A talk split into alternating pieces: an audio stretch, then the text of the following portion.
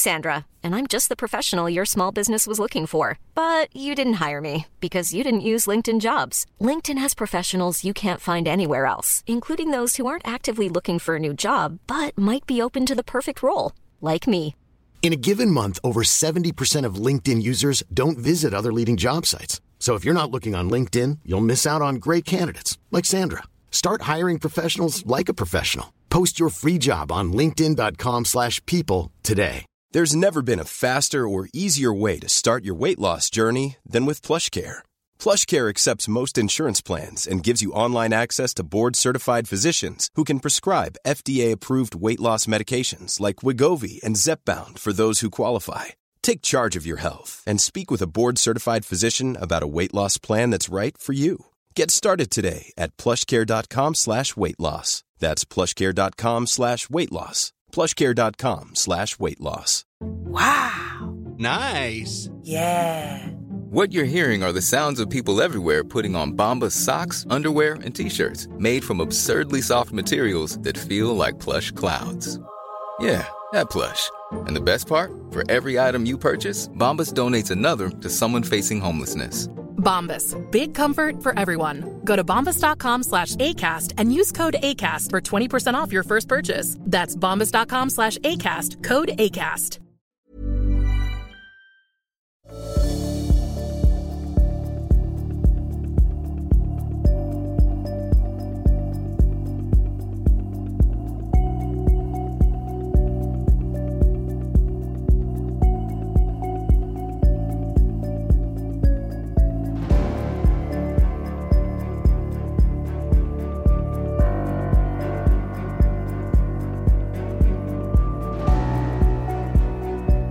Du lyssnar på podcasten Samtal, en podcast med fokus på fria samtal. Den här podcasten presenteras av tidningen Bulletin. Om du vill få tillgång till samtal sju dagar före alla andra så kan du gå in på www.bulletin.nu och bli prenumerant.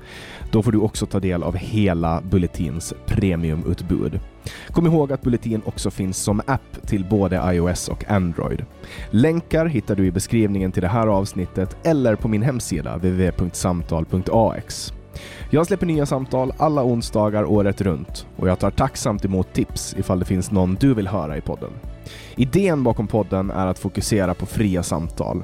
Jag tror att öppenhet är grunden för det demokratiska samtalet och jag vill uppmuntra dig som lyssnar att exponera dig för samtal med någon du inte håller med.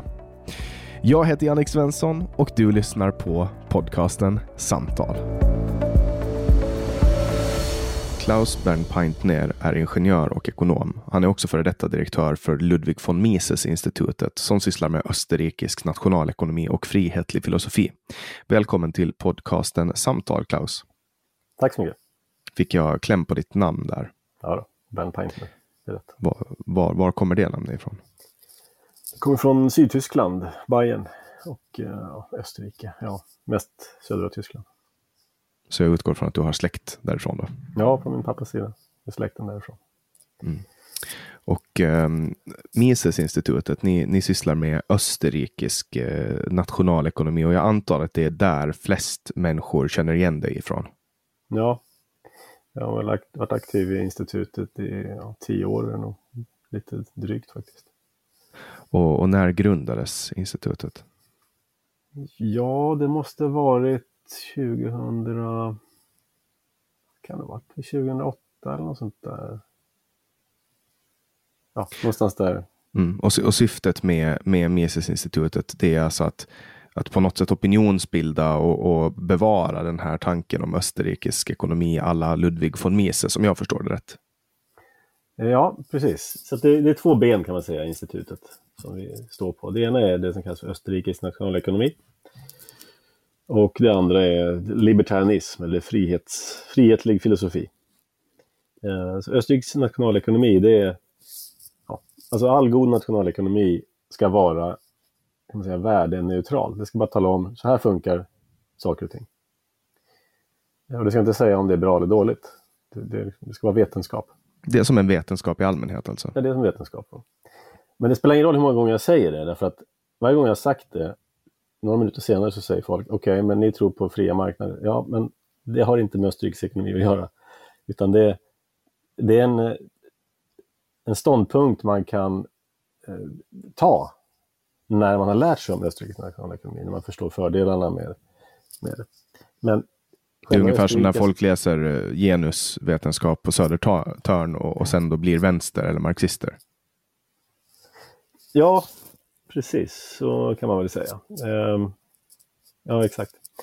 Så att eh, du kan vara, egentligen kan du vara socialist och tro på Österrikes nationalekonomi.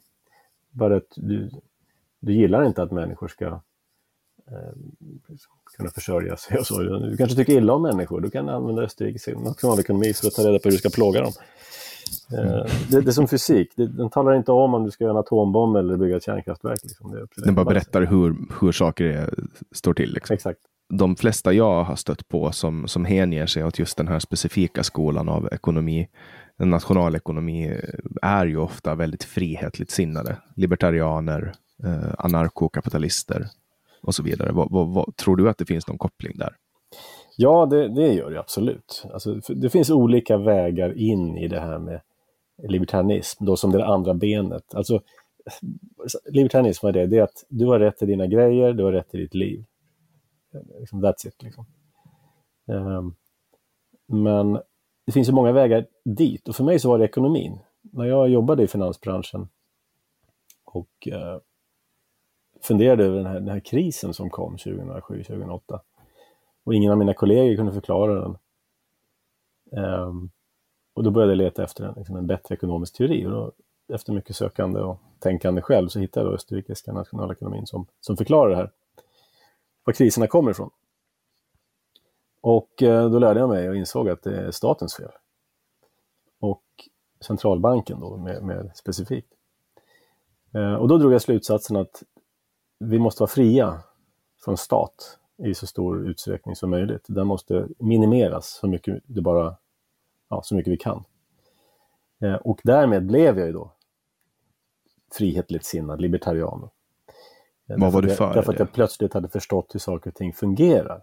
Och när jag inser hur det fungerar så vet jag också att staten kan inte förbättra.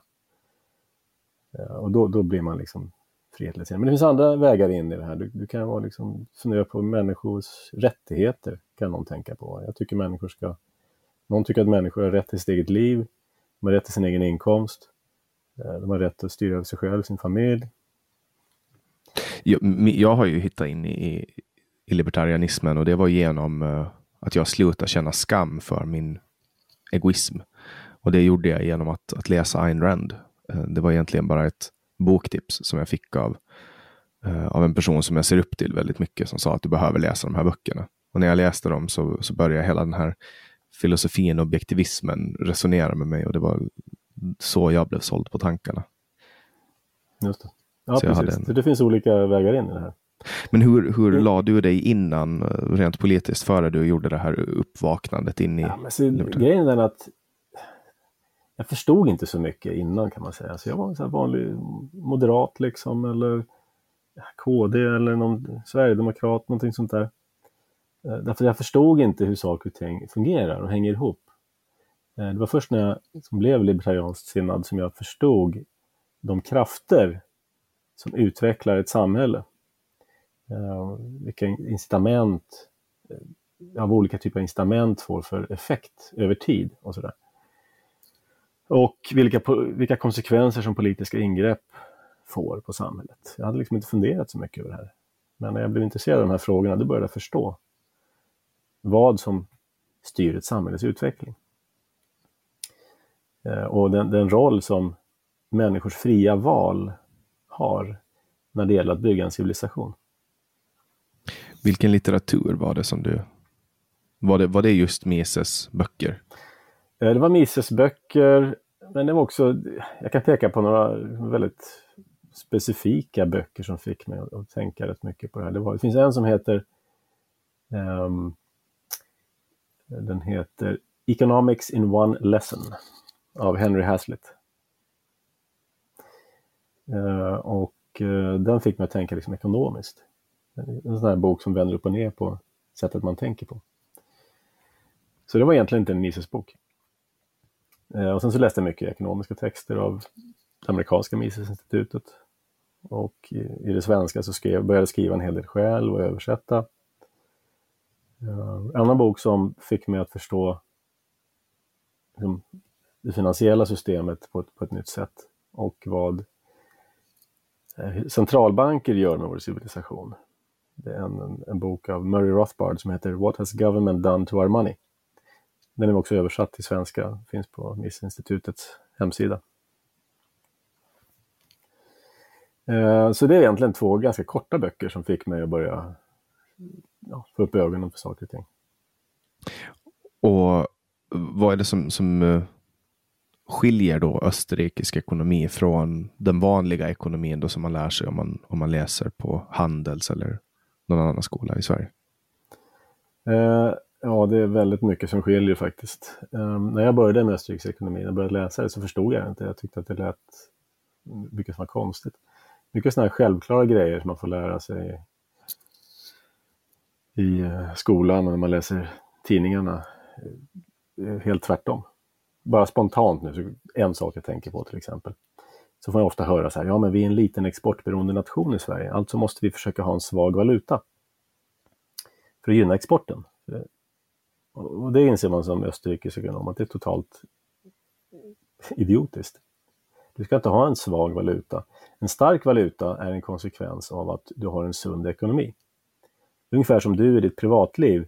Ja, men nu ska jag sänka mina löneanspråk för att jag ska få mer jobb.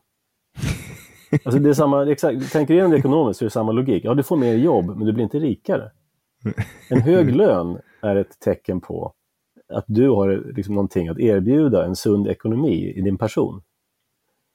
Ja, och det är liksom massor med sådana här grejer som Österrike... Men vad lönar, vad lönar det? De som torgför de här grejerna, vad, vad har de att vinna på det?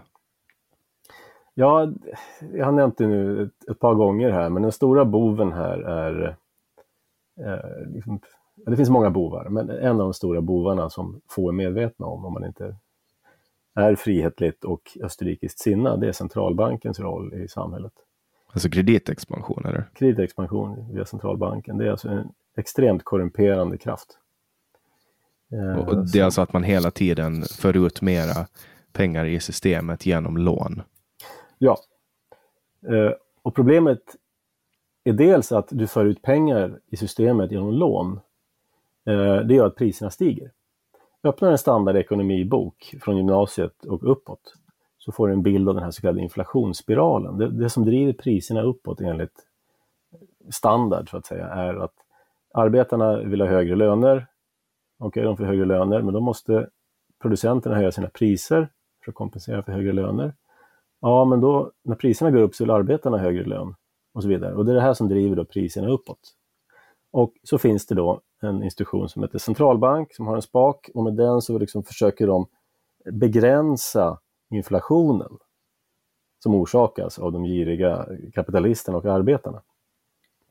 I själva verket är det så att penningproduktionen i centralbankssystemet eh, är det som driver upp priserna. Alla har sett bilder på skottkärror med pengar från, från Weimar, Tyskland och sådär det, det, är precis det som händer här också, fast i långsammare takt. Mer pengar i systemet, priserna stiger. Men man pratar ju om att det ska vara en ständig inflationstakt på vad är det, 2-2,5 procent? Ja, precis. Varför då? Ja, det, det är ju, de säger att det ska vara så. det, är, det är det man får lära sig ja, i skolan. Vi ska uppnå och försöka ha en inflation på 2-2,5 procent. Ja, exakt. Och jag kan tala om logiken. Jag ska bara avsluta poängen med det här, det jag sa innan. Det är inte bara det att priserna stiger som ett problem. Det som är det stora problemet, eh, därför man kan säga att priserna stiger, lönerna stiger, okej, okay, allt är bra. Va?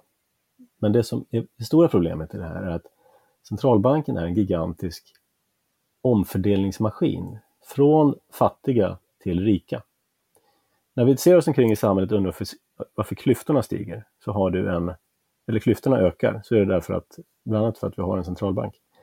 Du har de som äger sitt hus till exempel, eller fastigheter eller aktier eller andra tillgångar. Eh, pengarna som centralbanksystemet producerar, de fördelas inte jämnt med en helikopter över hela befolkningen. Utan de går in på ett specifikt ställe i ekonomin. De går in eh, i banksystemet. Det är banksystemet som skapar dem. Och de går alltså in hos de som är nära bankerna. Det är lån, låntagarna, det är de som ska låna till en bostad, de ska, de ska låna för att spekulera i aktier och andra tillgångar. Eh, och sen tar de de här pengarna, de köper någonting annat, de köper en bil kanske, okej, okay, då stiger... Så först, så först så får de pengar här, och då kan du, med de här pengarna ska du bjuda upp priset på ett hus till exempel. Så stiger huspriserna, för att bankerna spottar ur sig mer pengar hela tiden via lån.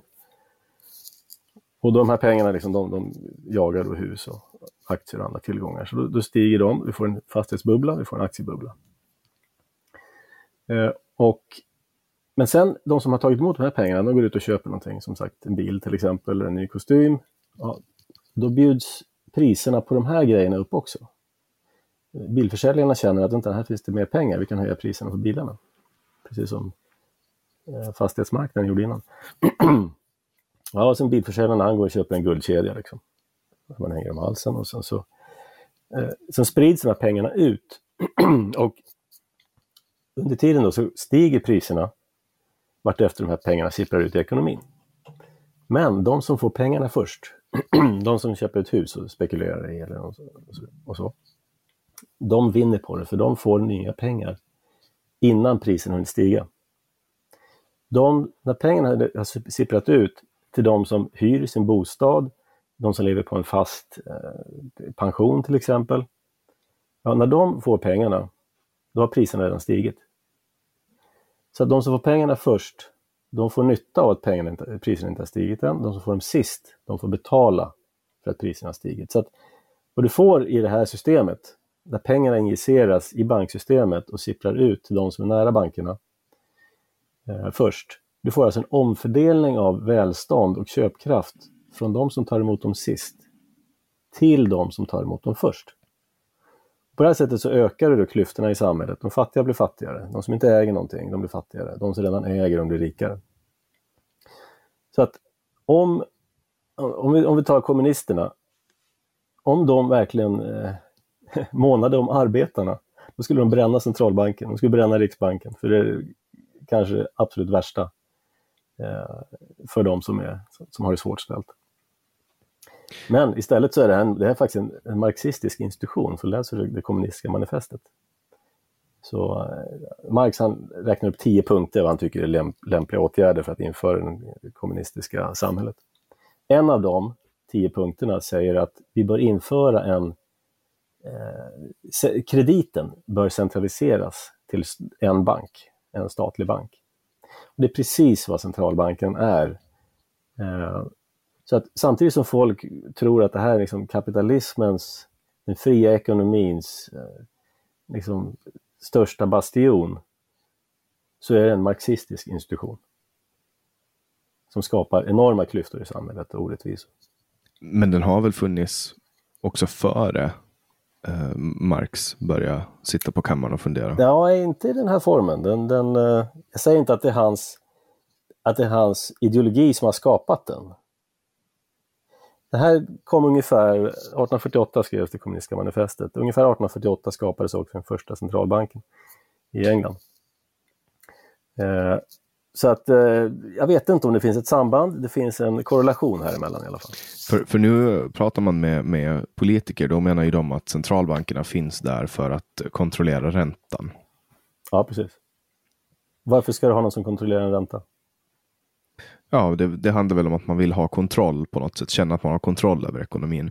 I USA så är det ju lätt att, att, att få leva under förvillelsen att, att det är staten som äger Federal Reserve, men, men så är det ju inte. Den är privatägd. Ja, alltså jag brukar säga att varje centralbank är född i synd. Det finns alltid någon lurig historia där, hur den har kommit till.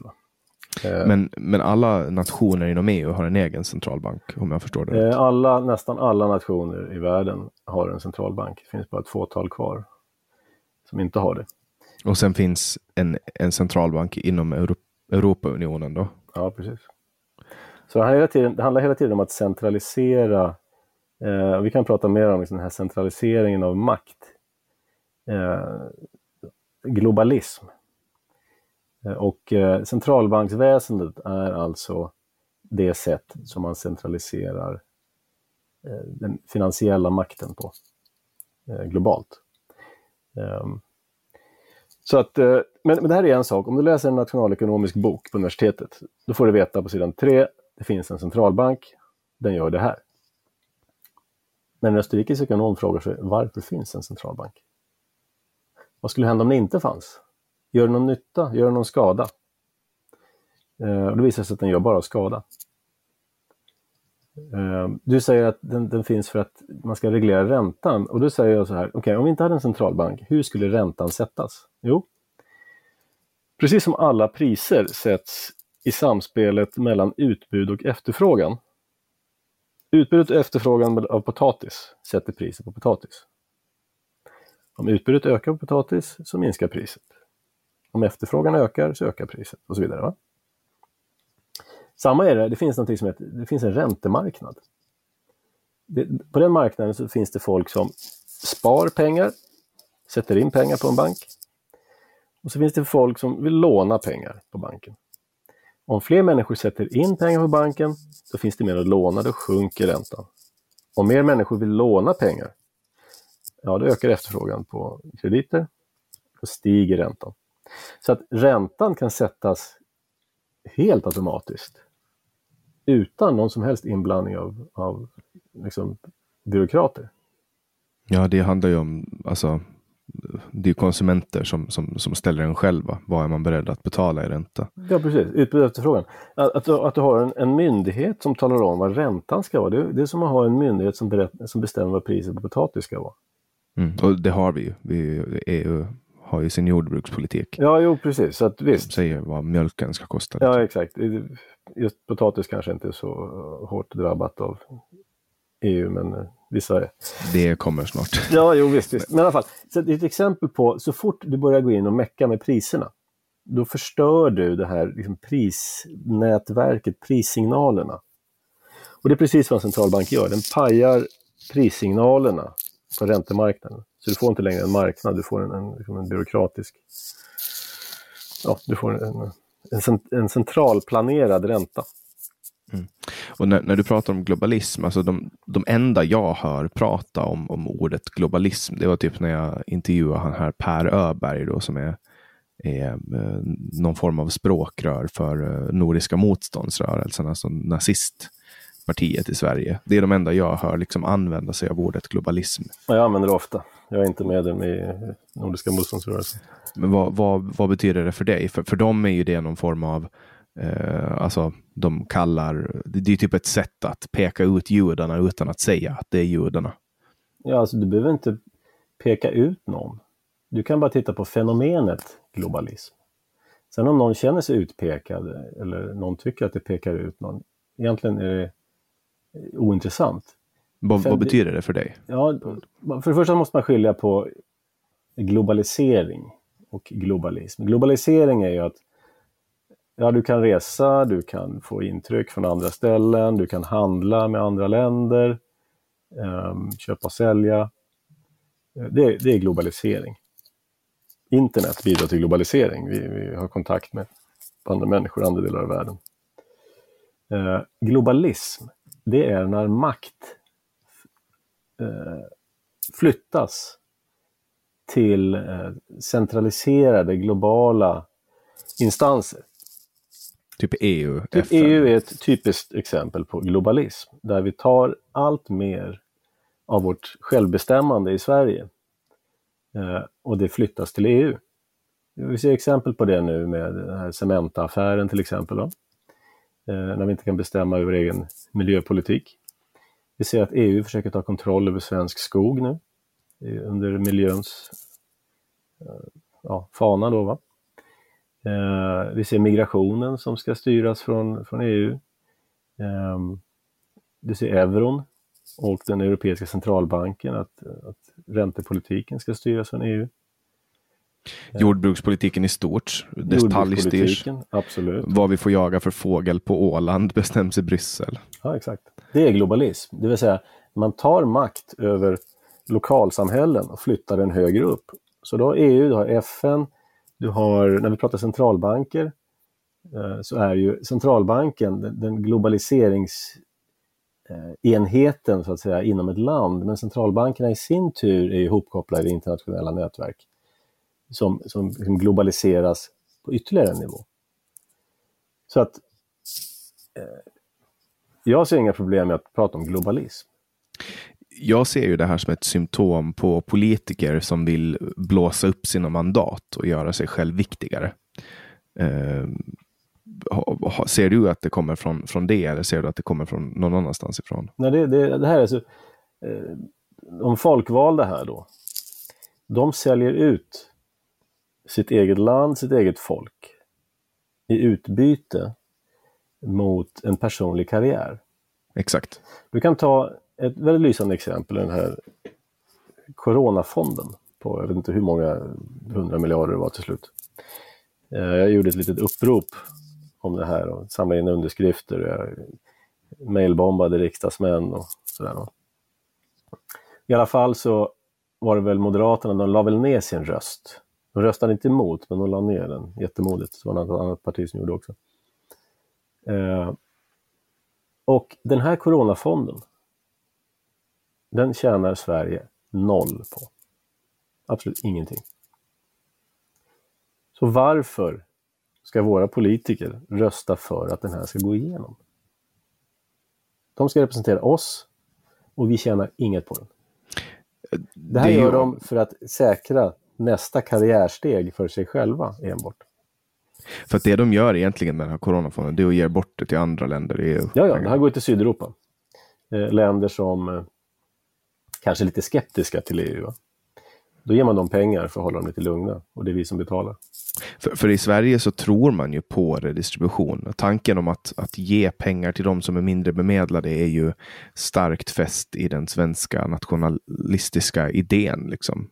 Eller nationella, inte nationalistiska. Men Ja, alltså det, det, är den här välfärdstanken, att man tror att en missbrukare blir frisk om man ger honom pengar. Liksom. Mm.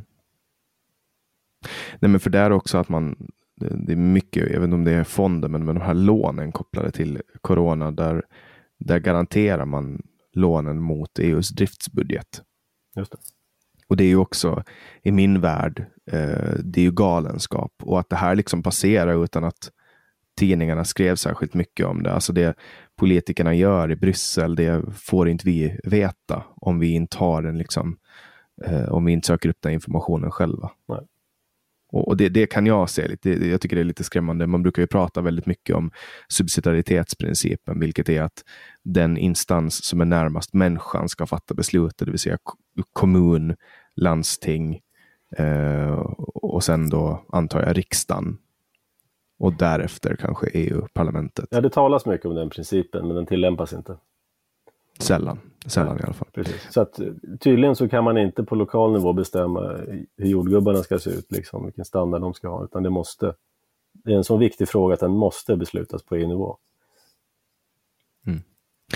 Eh, jag tycker, att det är lite, jag, jag, tycker att det är lite skrämmande för man vet inte vad det, vart det bär. Um... Nej, men det bär bara åt ett håll. Som det ser ut nu. Ingen gör motstånd. Det bär bara mot det som eh, konspirationsteoretikerna i många år har pratat om, den här eh, globala världsregeringen. Det är slutmålet. Men vad, vad skulle det vara för, för regering då? Nej, men det handlar inte om att det är liksom en, en regering, utan det handlar om att det är vissa globala organ som bestämmer allting. Och det här kan vara fördelat på olika organ. Du har ju, eh, du har ju IMF till exempel då, som nu vad, vad gör de? Det, den uppstod ju, den skapades efter andra världskriget när man byggde om det monetära systemet. Och man gjorde om dollarn till världsvaluta. Mm. Det var innan guldmyntfoten avskaffades då? Ja, precis. Den avskaffades på 70-talet. 73 eller något sånt, 76. Efter att USA hade printat så mycket pengar som inte kunde, de kunde inte stå för sina utfästelser längre. Eh, I alla fall, IMF har som uppgift att se till att de olika länderna driver ungefär samma inflationstakt. IMF är ett sådant globaliseringsorgan därför att eh, du kan inte ha ett land som har lägre inflation än de andra. För då börjar alla handla med den valutan. Då, börjar, då blir det en starkare valuta. Mm. Så du måste ha en kartell här som ser till att alla är lika dåliga. Ehm, och ingen sticker upp och är mer hederlig. Vad är deras verktyg för att reglera det här då? Eh, deras verktyg är ju deras, eh, ja, deras överenskommelser och deras möten och deras diskussioner och deras eh, samtal. Träffas ju regelbundet. Um, så att de har ju olika verktyg för att, för att styra det här. Då. Sen har ju centralbankerna är också uppkopplade. Den här BIS, BS, Bank for International Settlements, det är också en sån eh, globaliseringsorgan. Du har OECD som globaliserar eh, eh, skattepolitik så att inget land har för låg skatt. Alla stater vill ju ha så hög skatt som det bara går. Men om det finns något land, någon stat som har lägre skatt, så attraherar ju den investeringar på de andras bekostnad. Alltså måste man ha ett sånt här organ som ser till att alla är lika dåliga när det gäller skatt. Så ingen har någonstans att gömma sig. Då har man listor, svarta listor på, på stater då som inte, eh, som inte rättar sig i ledet. Och så utesluter man dem från internationella finansiella transaktioner. Eh, nu vill man införa en global minimibolagsskatt på 15 procent på initiativ från eh, Janet Yellen i USA. Eh, då kommer den här OECD naturligtvis få en roll att spela där. Så att eh, den här världsregeringen den har många departement så att säga. Som fyller det här. Sen så har du naturligtvis olika delar av WHO som vi har hört mycket om de senaste ett och ett halvt åren. Ja, de skit, Sverige skiter i WHO. Ja. Det har ju, alltså med corona. Eh, ja, men eh, okej. Okay. Men det har ju kostat Sverige lite också, anseende internationellt. Då. Um, så att man har olika ja, i alla fall, det finns många avdelningar inom den här. Det alltså inte, kommer inte bli, tror jag, än det sitter en, en världsriksdag. Utan det kommer fördelat på många olika ställen, som det redan är idag. Men de får mer och mer makt hela tiden. Men finns det ett uttalat syfte eller är det bara så, är det bara dit det drar? När man ger makt så vill folk ha mera makt och så bara eh, blir det naturligt att de fattar beslut som ger dem mera makt? Ja, det är ju den eh, snälla förklaringen att det helt enkelt ligger i människans och organisationers natur att alltid växa och alltid eh, liksom, tillskansa sig mera makt när man har möjligheten. Så att det här är frågan om det är dumhet eller om det är ondska, alltså är det bara någonting som händer för att människor är så eller finns det en plan bakom? Jag vet faktiskt inte. Jag, bara, jag nöjer mig med att konstatera att det här sker. Um, antingen av naturen eller en plan. I vilket fall som helst är det någonting som den, en människa som, är, som värnar sin frihet måste motarbeta. Finns det länder där friheten är, finns i större grad än Sverige som man kan flytta till? Ja, du, små länder. Ehm, de är oftast inte så lätta att flytta till. Um, typ Schweiz? Typ Schweiz, Liechtenstein, Monaco små länder. Det, det är mitt ideal egentligen. Jag skulle vilja att man styckar upp Sverige i tusentals bitar. I självstyrande bitar mer eller mindre. Och gjorde Sverige till en, en frivillig försvarsallians. Nu kan man äntligen ge bort Skåne till Danmark. Ja, de skulle bli glada också. jag menar, jag menar, dela upp Skåne i ännu större bitar om de vill. Liksom. Det... Att, praktisk frihet, det hänger ihop med att man lokalt kan bestämma över sitt eget liv. Och lokala samhällen kan bestämma själva hur, hur de vill styras och vad de vill göra med sina pengar. Om de vill bygga en väg eller lyktstolpar eller vad det kan vara. Mm. Eh, fri, friheten tas ifrån oss när makten över våra liv flyttas längre bort. Ja, alltså desto större desto flera människor som ingår i det demokratiska systemet, desto mindre får man ju att säga till om. Alltså, du har ju mycket mer att säga till om i ett bolag med fem delägare än ett bolag med hundra delägare. Precis. Tänk dig sen... så här, tänk att vi gör en... Tror, folkpartisterna, eller vad heter de, liberalerna nu för tiden, de är ju väldigt mycket EU-vänliga och demokrativänliga och sådär. Eh, de tycker, ja, jag har sett böcker publiceras med världsdemokrati, hur fint det skulle vara. Men tänk dig då, då Kina, Afrika och Indien går ihop. De blir global majoritet. Då kan ju vi i Sverige säga hej då till, till vårt välstånd. Så Ja, demokrati blir inte parti. bättre ju större den är. Den blir värre ju större den är. Ja, det kan man ju tänka att, att så är fallet. Alltså, det är ju ungefär som att kolla på hur det blir i EU. Det är ju Tyskland och Frankrike som kan gadda ihop sig och, och bestämma hur svensk jordbrukspolitik ska ske. Ja. Och det är ju så det händer nu. Eh, alltså, det är bara att ta exemplet som, som vi har på Åland med, med vårjakten. Där man, det räcker med att man sätter sig i en båt och åker ut i, i skärgården och så ser man att ration mellan en, en specifik sjöfågel, då, manliga och kvinnliga, är, är väldigt dålig. Då. Det finns för många manliga varianter av just den här specifika sjöfågeln. Och, och sen då så finns det byråkrater nere i EU som påstår att den är, är hotad, Mm. stammen. Och då, då säger de att nej, ni får inte skjuta sjöfågel. Och då är det förbjudet för oss på Åland att jaga de här, fast vi ser ju att, att det är så. Så har vi en, en tradition av, av viltvård där vi skjuter bort eh, överskott eh, på våren. Men nu har EU sagt nej och nu är det liksom hot om jätte, jättestort vite och böter om, om, om vi bryter mot det. Eh, och det där är liksom, det, det, är helt, det går inte att resonera med EU. Nej. Därför att de, de, de har, nej vi har ju bevisen här, det är ju, den är ju hotad. Vi har ju kollat med experter, de säger ju att den är hotad. Ja. Och det, det, det är samma med örn till exempel. Mm. Örnen är, har, har växt till sig och blivit jättestark nu. Den var ju utrotningshotad på 80-talet, men nu finns det jättemycket örn och nu har den visat sig vara en eh, det, det, det är inte alls bra för, för vår miljö och, och för övrig, övriga sjöfåglar och, och så. Och det är väldigt många och, och de har till och med lärt sig jaga på marken. De har liksom evolvat in i att jaga från mark och örnar brukar inte göra det. Mm.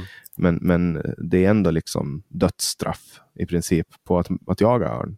Mm. Även om det skulle räcka med att man skjuter ner två, tre örnar vid de här häckningsplatserna så lär de sig för det är smarta fåglar. Så, så spelar det ingen roll. För i EU finns det ingen flexibilitet och vad ska de bry sig om 30 000 människor i liksom mellan Finland och Sverige? Det. skiter ju de i. De har ju, alltså det finns ledamöter som har eh, röstningsdistrikt som är liksom tio gånger större än Åland. Och ska de ens ägna en sekund åt Åland, det skiter ju de i. Ja, men dessutom är det så här att EU kan bara finnas en regel. Eh, Och den regeln måste gälla på Åland likväl som eh, liksom i Spanien. Så att eh, du får en, en, det kallas fint harmonisering. Det ska vara samma överallt. Men olika platser är olika, människor är olika. Eh, harmonisering blir liksom ett, det blir ett tvång. Och det, det pajar, för de, det som man kanske skulle göra på Åland, det kanske inte passar i Spanien. Det kanske blir destruktivt i Spanien. Exakt. Det är alltså, och, och där, där har vi ju, alltså bara vi på, på Åland märker vi ju det. Vi har ju en ytterligare en instans där vi har ju kommunen och sen har vi landskapet, landskapet Åland, landskapsregeringen. Och sen har vi då staten Finland eh, och sen har vi EU. Så vi har ju ytterligare en nivå. Eh, och sen har vi då jättemånga, vi har 16 kommuner på Åland. Så här är närdemokratin väldigt stark. Det är ju alltså, i princip de flesta kommuner kan du ställa upp i. Det räcker med att du ställer upp i val och så röstar din familj på dig och så har du ett mandat i kommunfullmäktige. Och det är ju där man vill vara. Det är där man vill att, att samhället ska vara. Att byn går ihop och säger att ja, men vi vill bygga det här, vi vill ha det här tillsammans. Eh, by, byn går ut och gör saker tillsammans. Eh, men men nu, nu liksom outsourcar man det där till de här glassiga jobben. Just. Alltså de här EU-politikerna som är i princip okontaktbara. Alltså, det har hänt en gång att jag har stött på en EU-parlamentariker på, på gatan. Liksom. Och det var när han var här och kampanjade inför EU-valet. Eh, I övrigt så sitter de ju på safe distance. Liksom. Just det. Precis. Så de här fina glassiga jobb, lite ansvar och skyddade liksom eh, från... Stor stab, Ja, precis. mycket pengar. Och det är ju, alltså det är, ju, det är bara att kolla på Margot Wallström. Hon, eh, hon var ju en katastrofalt dålig utrikesminister. Eh, hon blev utsedd till en av de värsta antisemiterna det året av Simon eh, Riesenthal Center, heter det så? Simon Wiesenthal, Wiesenthal Center heter det. Och, och eh, sen då så fick hon väl gå. Jag antar att hon fick gå. Och så blev hon belönad med ett toppjobb inom FN istället. Och det var ju kanske dit hon ville. Mm. Få, få sitta där. Och, och, det är väl det med yrkespolitiker. Det är ju inte heller eh, ett, ett jättebra system. Just det. För att det, det, det lönar ju sig inte att genomföra de, de reformerna som samhället behöver är ju sällan de som folket vill ha. Eh, eftersom eh, man blir av med någonting som man har fått som man kanske inte ska ha. Ja. Men det här är globalismen. Det är alltså att makt flyttas från folk eh, och lokalsamhällen till högre, högre instanser. Mm. Makt och givetvis pengar också då, välståndet. Prata Mises om de här grejerna, alltså just med globalism. Ja, vi pratade lite grann om det här, men jag har varit med och startat, för ett halvår sedan så startade jag upp någonting nytt som heter Folkungen, folkungen.se. Och där pratar vi ännu mer om det här. Mises pratar om, i Misesinstitutet pratar vi om Österrikes nationalekonomi som ett verktyg att förstå samhället och eh, ekonomin, libertarianismen. Eh, och det är lite mer på kan man säga, akademisk eller teoretisk plan. På Folkungen så tar vi de här idéerna och så gör vi liksom lite mer praktik kring det där.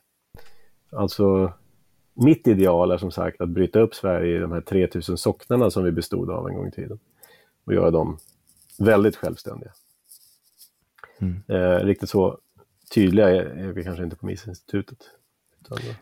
Känner och, och, och vi pratar mycket mer om det här med problemet med globalismen. Ja. Känner du hopp Eh, ja, blandat faktiskt. Jag är alltid hoppfull. För att ingen människa vill höra på någon som bara gnäller och säger att allt är kört. Eh, nu är det ju kört för att nu har vi ju liksom, klimatet går ju under om tio år fick vi veta idag med den nya IPCC-rapporten. Det är alltid tio år förresten. Eh, ända sedan eh, ja, säkert hundra år tillbaka så har klimatet varit kört i tio år. Så folk omkring och är rädda. De är livrädda för det här corona, Eh, jag är inte rädd och jag väljer att vara, väljer att vara optimistisk. Eh, det som behövs är att fler och fler börjar förstå saker och ting och där är det ju lite svårt. När man har ett helt skolsystem och en hel medieapparat att jobba emot. Eh, men jag tror ändå att fler och fler börjar vakna upp och ställa sig frågor om vad det är som pågår och hur saker och ting verkligen hänger ihop. Så jag är optimistisk. Jag skulle vilja göra mer, jag skulle vilja höras mer, jag skulle vilja att vi fick ut våra idéer mer. Ehm, det här är ju ett bra, bra sätt att börja, att delta i, i, i samtal. Det är väl så det mesta börjar, man, man pratar och så går det, går det vidare. Mm. Ordet. Eh, jag, jag frågade det redan för ett år sedan om, om vi skulle försöka podda och det var ju då man trodde att den här pandemin skulle ha ett slut. Eh, nu har jag ju då fått helt enkelt resignera inför det faktum att det är online som gäller eh, om man ska podda med folk. Så att jag har ju haft, haft eh, ögonen på dig under ganska lång tid. Jag skulle säga två, två och ett halvt år har jag lyssnat på poddar till och från som, som du har medverkat i. Och, och jag vet ju att du har den här eh, tanken då om, om, om Mises och nationalekonomi. Och, och nationalekonomi har, har, på ett personligt plan varit väldigt lockande för mig, även om jag sa det att jag, jag gled in på libertarianismen på helt andra vägar än, än, än genom ekonomi, utan jag kom mer in genom det filosofiska. Eh, att det känns som att det är den övertygelsen som är den rätta, att you do you eh, och jag gör jag, liksom så blir allting bra. Uh, och sen också en, en, grundläggande, alltså ett grundläggande oförtroende för rättssystemet. Ja, uh, alltså jag, jag, känner inte att rättssystemet är rättvist. Och, och, och det är det som är liksom, alltså jag menar, kollar man på ekonomiska brottslingar som får straff som är liksom tredubbla det folk som våldtar barn mm. Uh, får då känns det som att, att det här rättssystemet som vi lever i, det är liksom inte det är inte proportionerligt. Nej, eh, du kan ju, om du blir misstänkt för att skjuta en varg till exempel, Ja, då, då förlorar du alla dina rättigheter. Karl Hedin var satt han i över 20 dagar frihetsberövad. Ja visst, och telefonavlyssning och allt möjligt liksom.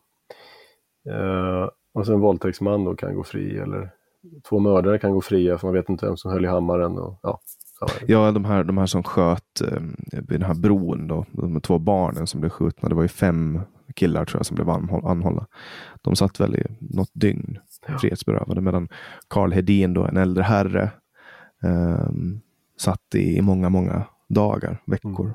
Precis. Eh, och det får ju en... En människa som är betydligt mer värd än de andra. Slödret. Ja, om man, om man räknar på, på antalet anställda, antalet människor han då försörjer genom att sätta jobb så att de kan sätta mat på bordet åt sina respektive familjer och barn och så vidare.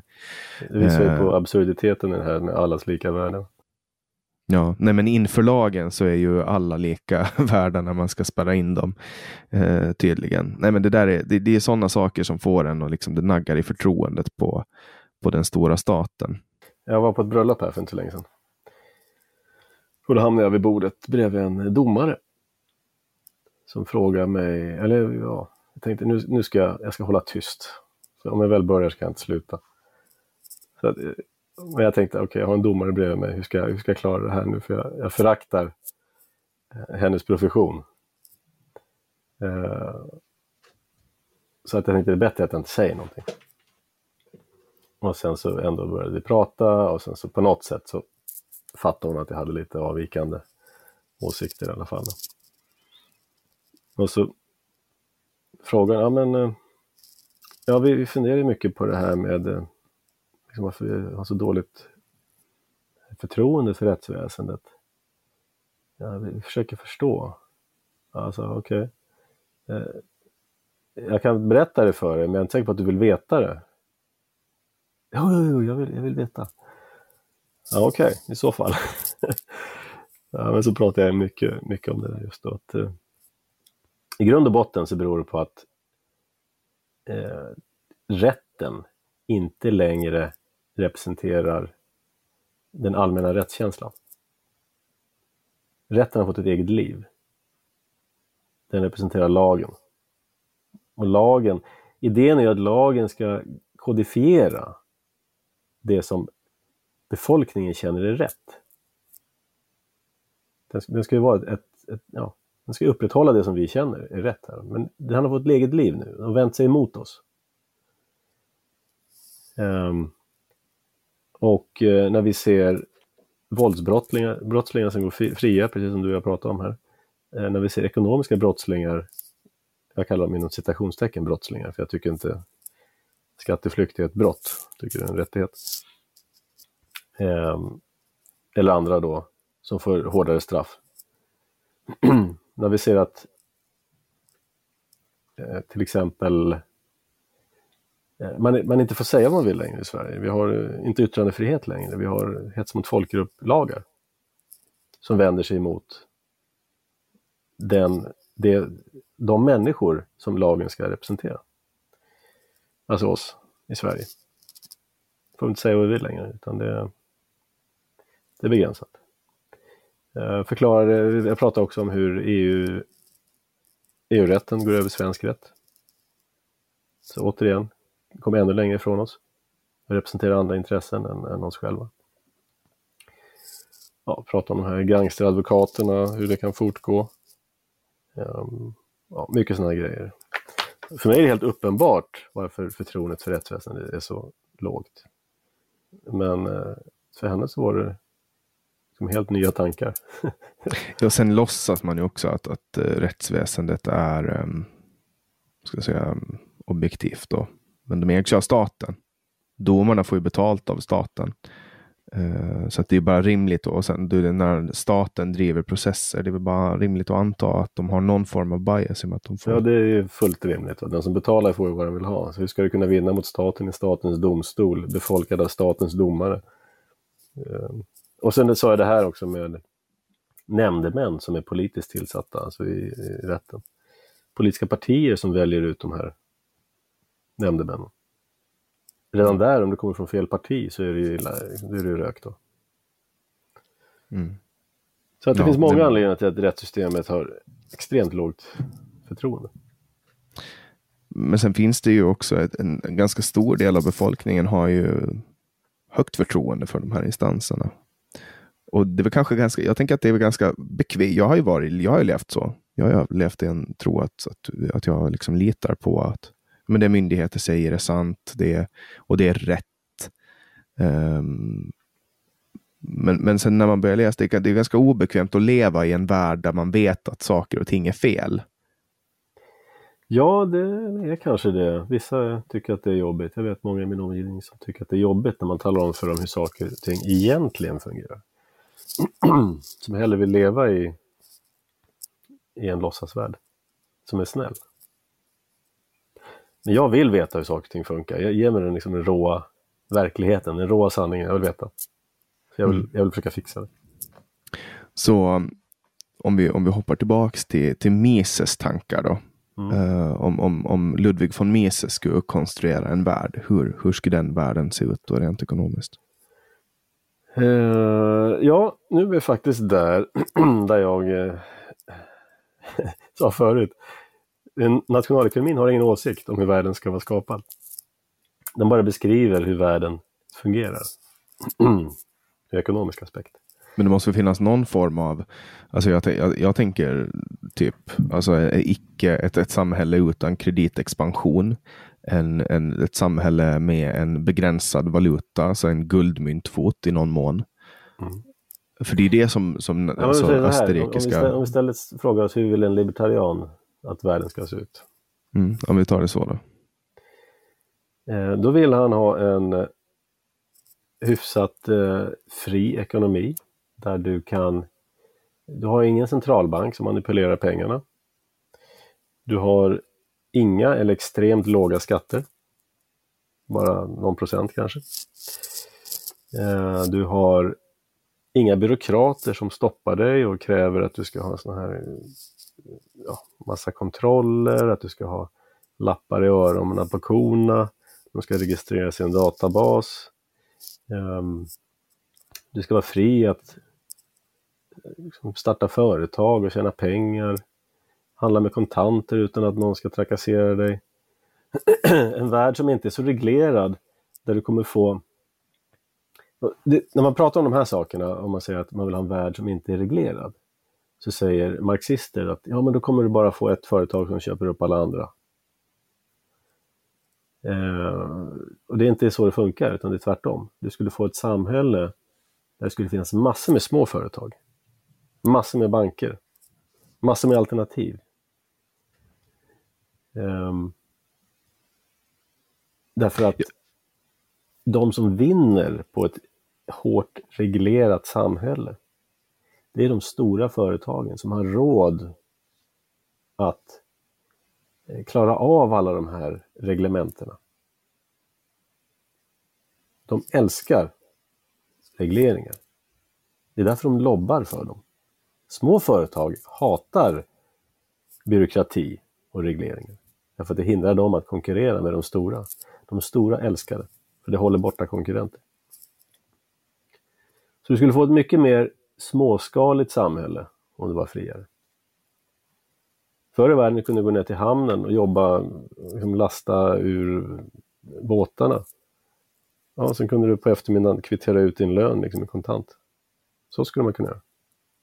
Mm. Nej, men nu ska det vara komplicerade anställningsavtal, det ska vara enligt det här, det ska vara lagen, det ska vara arbetsmarknads ja, hej och hå. Alltså det, det stryper kreativiteten och, och friheten och välståndet och civilisationen i slutändan också. Ja, och sen det här också som vi pratade om med, med monopol. Ehm, ett monopol kan ju bara existera med statens hjälp. Ja. Det, det kan ju inte existera på en fri marknad eftersom det startar nya företag. Och kommer det ett företag som blir för stort som har eh, som, som säljer sina produkter eller tjänster för dyrt kommer någon annan liten aktör att dyka upp och, och sälja det billigare. Så det kommer alltid bara att finnas en begränsad marknadsandel eller begränsade marknadsandelar åt det här stora företaget. Just Och de måste ju ha nöjda kunder för att kunna funka. Så det, det enda företaget i Sverige som inte behöver nöjda kunder, det är ju Systembolaget. Mm. De uh, får ju kunder ändå. De ska ju kunna, de ska kunna uh, kissa på sina kunder när de kommer in. Att för att komma in här så måste, måste vi få kissa på dina fötter. Mm. Folk ska gå in och köpa sin sprit ändå. Just det. Precis. För de vill ha sin sprit liksom. Ja. Men det, Mm. det, det är intressant för att eh, jag har ju själv, nu råkar jag ha den här eh, libertarianska synen. Och de som lyssnar på den här podden vet att jag har det. Och, och um, jag försöker ju få en så stor bredd som möjligt av, av gäster. Och förra veckan så, så hade jag Tobias Hübinette. Kan tänka mig att du och Tobias Hübinette inte, inte håller med jättemycket med varandra.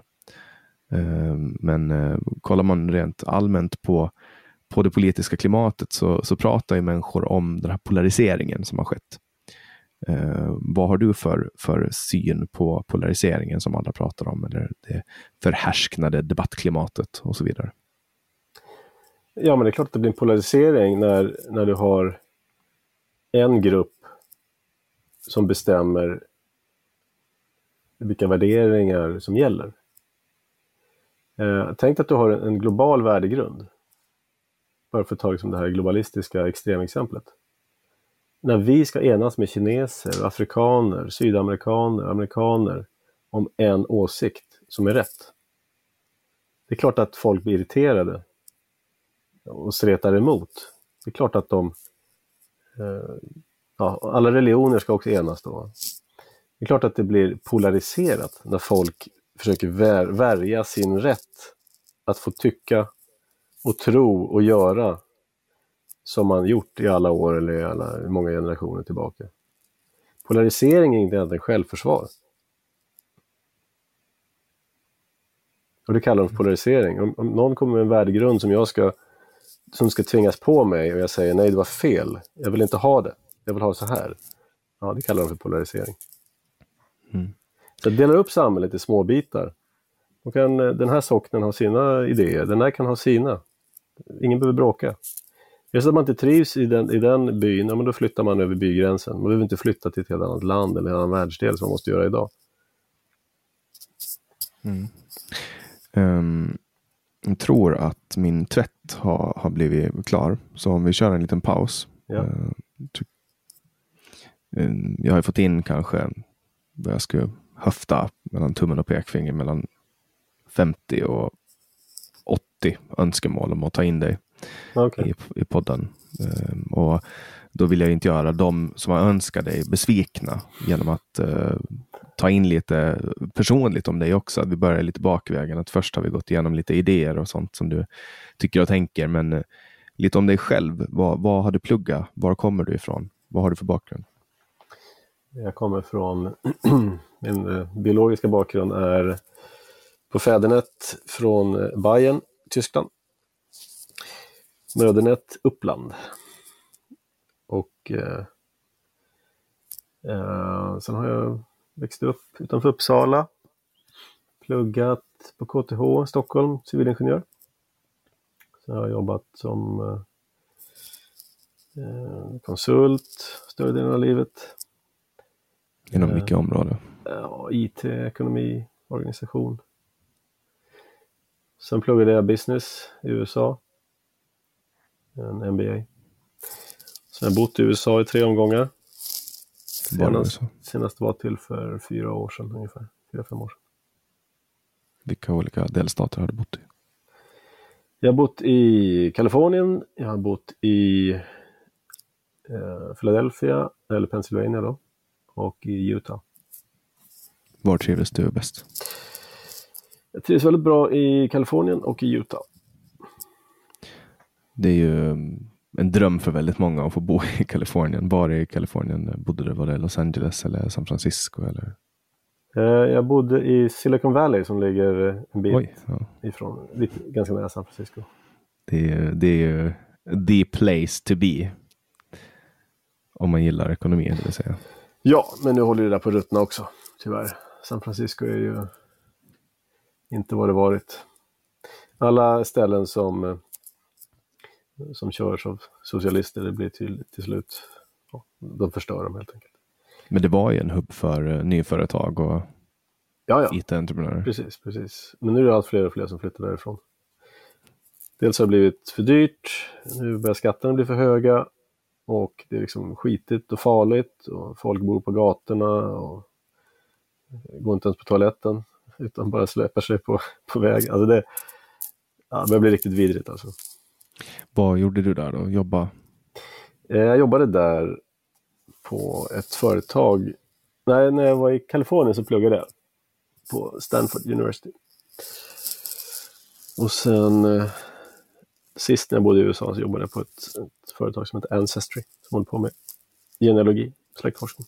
Just det, är det, ja, okej, det är inte det här DNA-företaget? Ja, de har DNA också. Okej. Det är kanske där jag har hört om det. Eller är det det där man kan gå in och lägga in eh, släktforsknings... Ja, dels kan du lägga in ditt eh, släktträd. Du kan få tillgång till en hisklig massa olika databaser. Så att om du börjar lägga in ditt släktträd så kommer det liksom börja plinga till och så säger man okej, okay, den här gubben är kanske den som finns i den här kyrkboken på den här sidan, är det han? Ja, så tittar den, ja det, tittar, det var han och här är hans föräldrar, bra, då kan du lägga in dem. Så att du får mycket hjälp så här automatiserat. Mm. Ja, jag gjorde något sånt, men det var kanske 2010 när jag började på gymnasiet, då hade vi någon, en av de första uppgifterna var att vi skulle ta, söka upp våra rötter. Och då, då, då satte jag ihop två stycken släktforskningar från manliga och kvinnliga eh, släktet. Och eh, många, många, många år efteråt fick jag mail med typ, är du släkt med den här och den här? Precis. Så att eh, det är mycket lättare nu för tiden att göra det här. För att du får så mycket tips och förslag för de här automatiserade systemen. Sen har de på med DNA också. Då. Så för några år sedan så började de med det och det är väldigt stort, växer fort. Uh, det, och det har att göra med att folk är intresserade av var, vad de har för, alltså var de kommer ifrån. För det är väl det man får uh, när man tar ett sånt DNA-test, att du får reda på hur, hur mycket gener har du från det och det, den och den kontinenten. Va? Precis. Och det där det är, väl egentligen... lite hokus pokus också. Uh, men de blir bättre och bättre nu. I början så var det väldigt konstiga grejer. Jag förstår att folk har tagit från olika företag och fått olika procent. De har tagit, tagit flera DNA-tester och jämfört dem mot varandra och så har de inte varit samstämmiga. Ja. Precis. Men vad, vad, kan man få ut något mer från de där DNA-testerna? Ja, men du får ut vem du är släkt med. Så att du kan hitta släktingar. Ibland så kan kyrkböckerna vara uppätna eller uppbrunna. Uh, eller det kan vara så att du har fader okänd, ganska vanligt. Och då kan du via DNA eh, pussla ihop dem. Sen får ju folk veta saker som de inte ville veta, till exempel att de har eh, deras pappa inte är deras riktiga pappa eller att ja, så får de ibland veta saker de vill veta. De eh, får reda på att de hade extra syskon någonstans eller sådana grejer. Så det är mycket kul. Kan man få annan information då, typ om man har risk? Att få ja, det kan man också få. Man kan, eh, beroende på vilken tjänst du använder så ingår det eller så ingår det inte. På Ancestry tror jag inte det ingår, du får ta lite extra. Det finns andra där, de, där det ingår i priset. Kan du få veta om du har blå ögon eller bruna ögon eller om du är allergisk mot den här grejen eller inte. Eller om du har... Eh, ja, så det är roligt också sjukdomar och sånt. Det, det finns ju de som har varnat om det här att, att ge sin DNA till de här företagen, att de kan använda dem. Men det är väl någon form av anonymiseringsprocess, om jag förstår det rätt. Ja, alltså, ja, man får ju lita på dem. ja, jag vet inte, det har ju kommit exempel där polisen har skickat in någons, eh, liksom någons DNA som de har lyckats skrapa från någonting. Då. Och så har de fått träffar på hans släktingar som de sen kunnat snoka rätt på vem det är. Så att, sen är det bara en tid innan staten tycker sig ha rätt till de här databaserna och sånt där också. De bara approprierar dem. De knuffar igenom en lag som tillåter dem att ta ja, datan. Ja, precis. De gör ju som de vill. Men staten gör, alltså, den gör ju vad den vill i alla fall. I Sverige har vi redan ett sånt där, jag tror det heter PKU-registret, som alla nyfödda registreras i. Som det är, så det finns redan. Man tar DNA på nyfödda alltså? Ja, man tar blod för forskning. Okay. Och, och det är ganska nytt eller? Nej, nej, det har hållit på länge. Man kan begära att få sitt eh, sample förstört. Men det måste man göra en aktiv... Som standard så sparar de då ditt, ditt DNA. kan de använda den DNA i, i utredningar alltså? Ja. Shit, det där är ingen aning om. Och det är ingenting man, man liksom ger medgivande om. Nej, det sker automatiskt. Det, men, men när det kommer till organdonation, då måste man aktivt ge medgivande. Ja, som det är nu eh, så finns det väl något sånt här donationsregister du kan anmäla dig i. Va? Mm. Eh, men jag vet, jag tror att man har haft på tal att man även där måste opt-out, att man som standard är donator. Men det är man, det är man i Norge tror jag. Ja, Eller okej. Danmark. Men i Sverige så måste man aktivt gå med. Ja, precis. Men problemet är varför jag aldrig skulle gå med i ett sånt register. Det är därför att om det händer mig någonting, då vill jag att min familj ska avgöra om jag är död eller inte. Om jag finns med i ett register, då kan det finnas andra intressen som vill dödförklara mig. Så att jag skulle aldrig gå med i ett sånt register. Däremot har jag sagt till min familj, händer mig någonting och det är helt kört, ja då kan jag liksom plocka reservdelar. Ja, det ska ju vara, alltså, så det är ganska höga krav också på att, alltså om man ska donera en, en njure till exempel. Är jätte, jättehög, alltså du måste vara kärnfrisk, du, massa, massa olika saker liksom. Just det. Ehm, så det är lite, li, lite omständigt med det, men sen så fort man dör då, då funkar det. Tydligen Ja, exakt. på ett annat sätt. Så förutom Ancestry, vad har du, inom vilka branscher har du jobbat med? Jag har jobbat mycket med IT, jag har jobbat med, jobbat på börsen, aktier, investeringar. jag hoppar med alla möjliga konstiga grejer. Konstiga egna, grejer. Egna små företag. och- M- Men sen gjorde du ditt politiska uppvaknande när du kom i kontakt med, med de här böckerna då? Ja, men jag jobbar ju ändå. Måste ju äta. Men du, du jobbar inte med det liksom som nej, nej, heltid? det, då? det är bara en hobby. Vad jobbar du med nu? Ja, vad jobbar jag med nu? Just nu jobbar jag inte med någonting. Du bara chillar? Ja. Är det självvalt eller? Självvalt. Du har gått i en tillfällig tidig pension? Ja, jag har tagit lite ledigt ett tag. Det var skönt. Så nu sitter du mest och näthatar då? Ja, någon måste göra det. Det är viktigt. Ja, Nä, nätkärlek. Sprida nätkärlek. nätkärlek. Ja, kä- kärlekssvans. Just det. Du är en kärlekssvans. Eh, Nej, men jag drivs av kärlek. Jag drivs av kärlek till mitt folk, till min familj, till allt som jag tycker är vackert. Sen att någon Bra. tycker att det här ska förstöras, och det är klart att de tycker att det är hat jag håller på med. Och ditt folk, är det svenska eller tyska? Eller? Mitt folk är svenskar, det är tyskar, det är europeer. Nordeuropeer främst. Och det är för att du ser ut som dem eller för att du har en kultur som... Därför att jag ser ut som dem, jag kommer från dem, jag har, en, jag har den kulturen. Så Därför, vad, vad, därför är jag mest intresserad av de människorna. men du, tror du på, på den här um, indelningen? För, förra veckan så släppte jag ju Tobias Hübinette och han, han delar ju in världen då i vithet och svarthet. Med vit eh, kultur och ras pratar han om. Har du en sån syn på världen? Jag vet inte om man kan dela in folk så. Jag, jag är intresserad av de människor som eh, de som, är, som ser ut som jag, som uppför sig som jag och som bor ungefär där jag bor. Sen, sen känner jag människor som inte ser ut som jag, som jag tycker väldigt bra om också. Men det betyder inte att jag, jag, jag känner afrikaner som jag tycker om. Det betyder inte att jag vill fylla Sverige med afrikaner. Vad jag tolkar det som eh, är att du har en viss, ett visst eh, horn i sidan mot, mot invandringspolitik. Ja, ett stort horn i sidan. Det är ett starkt hot mot ja, vår frihet inte minst. Gäller det all form bjuda av hit folk med helt främmande värderingar som bildar majoriteter här, eller åtminstone eh, grupper med inflytande som har helt andra syn på vad som är rätt och fel. Och som inte ser ut som vi och som ska ha rättigheter och privilegier och vi ska försörja. Det är klart att det, det gillar jag inte. Men är det, är det utseendet eller kulturen som är problemet? Nej, det är både och, tycker jag. Jag tycker, att, är jag det- tycker att det är väldigt vackert folk här i, i Norden. Och jag tycker, att, eh, jag tycker om att se sådana människor omkring mig. Ja, jag, jag blir... Liksom det är för mig... stressande att se människor omkring med svarta hucklen till exempel. Alltså religiös klädsel? Då. Ja, jag tycker, jag tycker det är fult. Jag tycker det är ondskefullt att klä kvinnor på det sättet.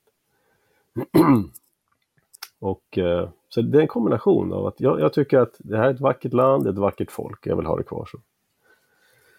De, det finns ett väldigt, det finns ett väldigt bra klipp på Youtube av eh, Muhammad Ali, boxaren. Så googla på Muhammad Ali integration. Eh, så pratar han om hur han tycker att hans folk är det vackraste som finns. Han vill att hans barn ska se ut som honom. Han älskar sin, sin fru och hennes fina svarta hy och deras barn som ser ut som dem. Mm. Det, det, är så jag tänker, fast uh, det är sådana som ser ut som mig. Och han säger, jag förstår inte någon som är vit. Det sitter en vit journalist där, eller en intervjuare, så, men det spelar väl ingen roll? Så säger han, ja, men det är klart att det spelar roll. Det är klart att alla, alla friska människor vill att deras barn ska se ut som dem. Jag vill att mina barn ska se ut som mig, varför vill inte du att dina barn ska se ut som dig? Så det betyder inte att jag tycker illa om någon, det är bara att jag, ja, jag vill bevara saker och ting som de är. De flesta skulle inte våga säga det du säger nu. Nej, det kanske de inte skulle. För att det, det, låter ju som liksom eh, du, du, förstår vad jag, vad jag menar va? Alltså att de flesta skulle inte våga säga att det har med det att göra. Någon sverigedemokrat till exempel som kanske tycker det. Kanske tycker att det känns fel att se människor som ser annorlunda ut på gatan. Eh, men de vågar inte säga det för att de vet att det där låter, det där låter extremt extremistiskt. Ja, ja, det är klart att det kanske låter extremistiskt i en värld där man inte får säga sådana saker. Men eh, jag, vet jag säger vad jag tycker.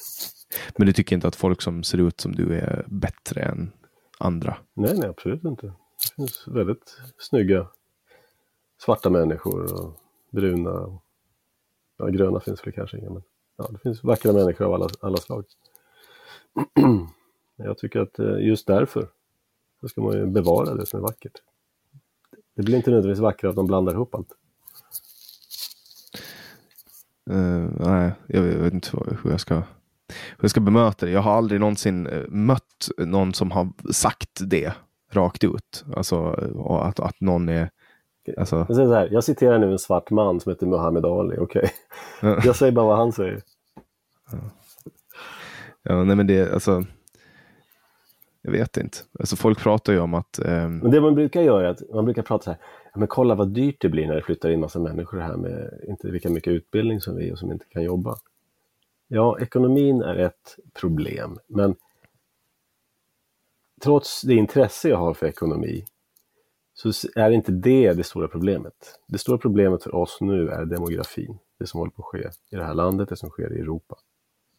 Demografin är problemet. Ekonomi kan man fixa. Demografi, det är väldigt svårt att fixa. Och vad är hotet mot demografin då? Ja, men vi ser hur det går i Sverige nu.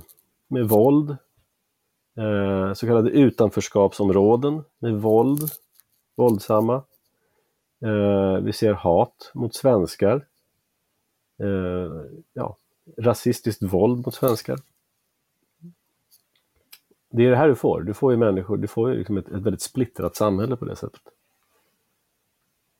När Sverige var svenskt och homogent. Nu, nu ska jag säga så här. Eh, Sverige, jag är egentligen ingen vän av Sverige. Jag anser att Sverige består av många olika folk och länder. Jag skulle inte vilja ha, liksom, jag gillar inte att Stockholm styr över resten av Sverige, men ändå, Sverige är ändå hyfsat homogent som det var för kanske 30-40 år sedan. Eh, och det var också väldigt tryggt. När människor eh, ser människor omkring sig som ser ut som dem, som agerar som dem, tänker som dem, då känner man sig trygg. Jag vet att jag kan gå här, den här människan jag möter nu, den tänker ungefär så här som jag. Han tänker att okej, okay, jag ska inte slå ner honom och ta hans grejer. Okej, okay? då känner man sig trygg. Man ser människor omkring sig som inte ser ut som jag, som man vet kommer från en annan kultur, där man kanske roffar, för, tar åt sig, roffar, för, vad heter det? roffar åt sig, tar för sig. De har en annan syn på kvinnor. Eh, och så. Och inte vet hur de tänker. Det skapar ett otryggt samhälle. Sverige hade en väldigt hög tillit en gång i tiden. Man lämnade dörren öppen, man lämnade sakerna ute och sådär. Eh, man kunde lämna barn. Mammorna brukar sitta på fik och så lämnar de barnet utanför i barnvagnen. Eh, barnen gick och lekte i lekparken själva. Det kan man inte göra idag. För vi har fått in människor nu med andra, helt andra värderingar. Eh, samhället är uppdelat i olika kluster som inte litar på varandra, som drar, fördel av varandra. Ett homogent samhälle är ett tryggt samhälle. Du behöver nästan inga poliser i ett homogent samhälle. Men visst har det ju begåtts brott i, i 60-talet, Sverige? Ja, självklart. Varje sommar så brukar man kunna läsa en artikel om ett, ett mord som hade skett. Och då var det, löps, det var liksom löpsedlar, det var sida upp, sida ner, det var uppslag, det liksom tio sidor reportage i Aftonbladet i, i flera veckor om det här mordet och den här mordutredningen. Eh, det, man, det fanns en tv-serie som hette Sommarmord. Som, eh, ja, eh, man liksom gick igenom gamla brott och sådär. Ja, men nu sker det ju ett mord varje dag. Så det är klart att det fanns brott, men det var på en helt annan nivå.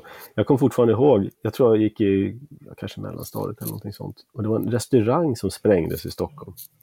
Den hette Fontainebleau. Och det här var då också sida upp, sida ner i flera veckor, helsidesuppslag och följetong om det här. Ja, men nu sprängs det en restaurang varje dag.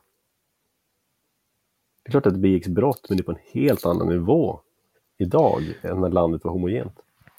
För, för frågar man ledande politiker idag, det vill säga Morgan Johansson, då är ju förklaringen på det ekonomiska klyftor och eh, rasism.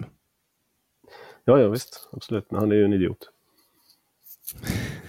finns, det, finns det någon sanning i det här med ekonomiska klyftor? Eh, det kan finnas lite sanning i det, skulle jag säga. Om du flyttar in folk här till Sverige som kommer från en eh, jämförelsevis efterbliven kultur så har ju de mindre möjligheter att, att skapa sig på hederligt sätt ett, ett, ja, ett rikt liv. Då ser de svenskar eh, omkring sig som har ett bättre liv. Det är klart att det kan skapa eh, liksom, motvilja och avund och det leder till en viss grad av brott. Um, så att då är det ju ett sätt att råda bot på det, om det nu är klyftor som orsakar problem, det är att inte skapa klyftor genom att flytta hit folk som inte har de förutsättningarna till samma levnadsstandard som vi. Men på det stora hela så är det trams, det här med klyftor. Alltså du kan ha fattiga och rika, det har man alltid haft i Sverige.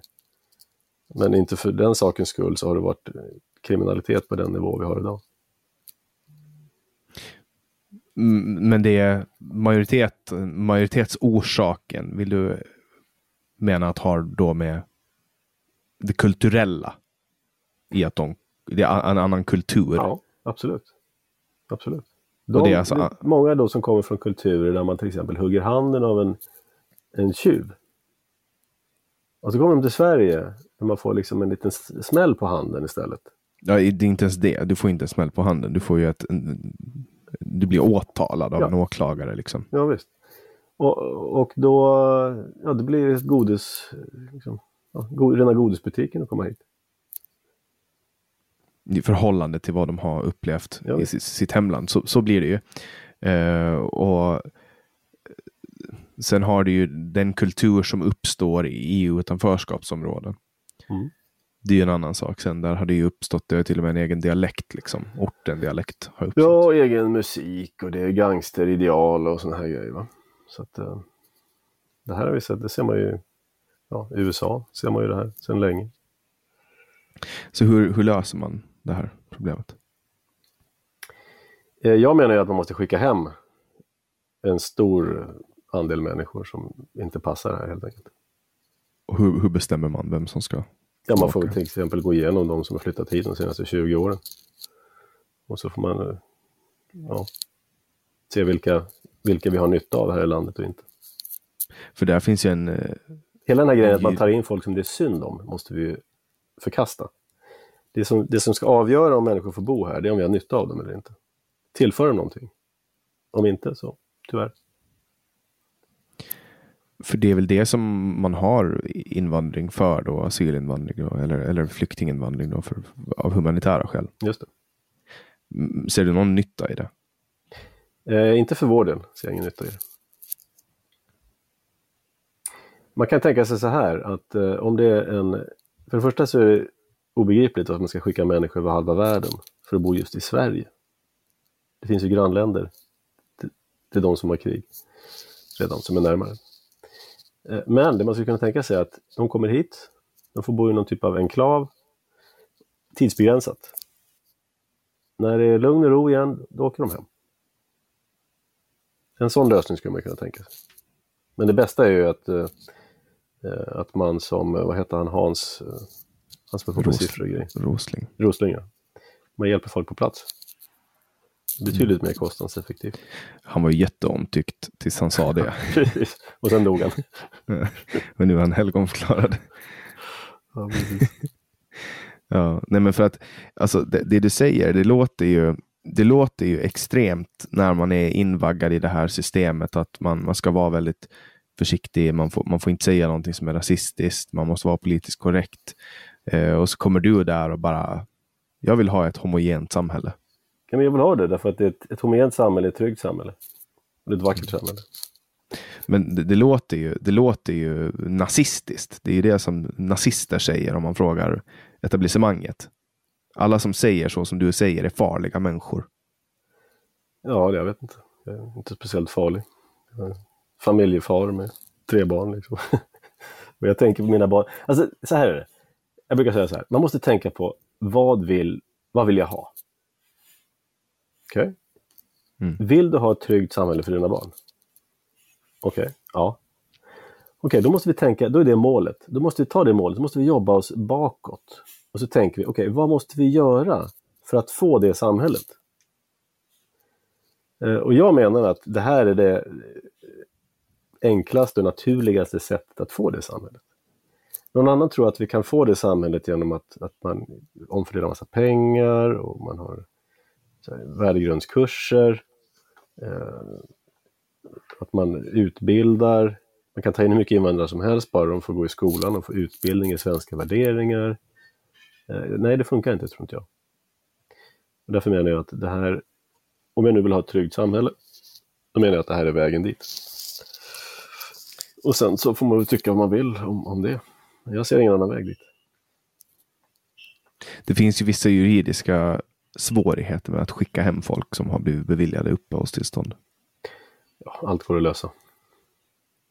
Även om det bryter mot det som, som är Även om det bryter mänskliga- mot de globalistiska överenskommelserna, ja absolut. ja, eller mä- mänskliga rättigheter. Jag tycker inte man har några mänskliga rättigheter annat än att jag har rätt att eh, jag har rätt till mitt liv, jag har rätt till min egendom. Eh, det är ungefär de mänskliga rättigheter man har. Mm. All, alla andra rättigheter är på bekostnad av någon annan. Om du har rätt att få gå i liksom, kommunal musikskola och spela blockflöjt, ja, då betyder det att jag har en plikt att betala för det. Så din rätt, man talar om positiva och negativa rättigheter. en negativ rättighet är en som inte påverkar någon annan. Jag har rätt att slippa. En positiv rättighet, det är någon som någon annan måste betala för på något sätt. Så jag, jag står ju bara för negativa rättigheter. Du har bara rätt att slippa. Du har inte rätt till någonting som någon annan ska tillhandahålla åt dig. Du har bara rätt att slippa bli in, få dina friheter inskränkta. Ja, precis. Du har rätt att slippa vara med i det här, du har rätt att slippa vara med i det där. Jag har rätt att slippa betala för invandring, jag har rätt att slippa betala för politikers löner, jag har rätt att slippa väldigt mycket saker. För det är ju det, det är de sakerna som får libertari, libertarianismen att framstå som en ganska kall ideologi. Ja, det var ungefär så som Sverige var en gång i tiden när det var civiliserat. Eh, Då var vi lite kallare, det var lite mer praktiska. det fanns lagar mot lösdriveriet. Ja, precis. Fantastisk lag. Det fanns ganska länge också. Ja, fram till 80-talet fanns den i någon form tror jag. Vad gör du här? Jag vet inte, jag har inget att göra. Okej, följ med här. Varför jobbar du inte? Det fanns till exempel också lagar mot uh, förargelseväckande beteende. Ja, den har ju tagit tillbaka. Har ju fängslat hela Pride-tåget liksom. Det är fortfarande uh, var lagar som, som gäller. Ja, de har ju tagit tillbaka. De har ju problem nu med folk som köper bilar som låter väldigt mycket och så står de på Strandvägen och brummar och spelar musik. Ja, ja. Just det. Så nu har man ju tagit tillbaka den här lagen. Då. Jo, jo men eh, det gäller en bil, men inte liksom hur du uppträ- uppträder och om du springer omkring naken på stan till exempel. Det räknas som förargelseväckande beteende förut. Men du, vad tycker du om Pride då? Det är ju Pride-tider nu. Ja, det är väl Pride jämt. Det är väl Pride i juni och sen resten av sommaren. Är väl Pride jämt. Brukar du gå i tåget med Misesinstitutet? Ja, precis. Jag brukar, brukar gå där och vifta. Jag tycker folk får vara homosexuella, men jag tycker att det måste väl gå att vara homosexuell utan att liksom skämma ut sig på det sättet. Jag känner folk som är, självklart känner jag folk som är homosexuella. Som tycker Pride är pinsamt. Nej, jag tycker Nej. att, jag tycker att det, det är så överdrivet det där. Finns det inget, har vi inte andra problem i Sverige än, än vad människor... Liksom, finns det någon rättighet som en homosexuell inte har idag i Sverige? Eller? Ja, det är väl strukturella problem som, som de stöter på främst. Att folk eh, har lite förståelse för deras situation. Men å andra sidan är det ju alltid svårt att förstå en människas situation. Eh, Ja, men ska man demonstrera för att bli förstådd? Är det det det handlar om? Det är, jag för det är inga rättigheter. Som, alltså, ska jag demonstrera för att människor ska tycka om vad jag gör? Det är det det handlar om i det här fallet. Du ska alltså inte längre bara, du ska inte bara längre ha samma rättigheter, utan du ska även tycka om det som de gör. Ja, Det är en värdering här som man ska, eh, som man ska då tvi- tvinga på folk. Det är det det handlar om idag. Du ska, du ska tycka om det här. Du ska tycka att det är fint. Nej, jag är ingen anhängare av eh, sådana här typer av förargelseväckande beteende. det tycker jag. Då ant- antar jag att du tycker att första maj-tåget också är förargelseväckande beteende.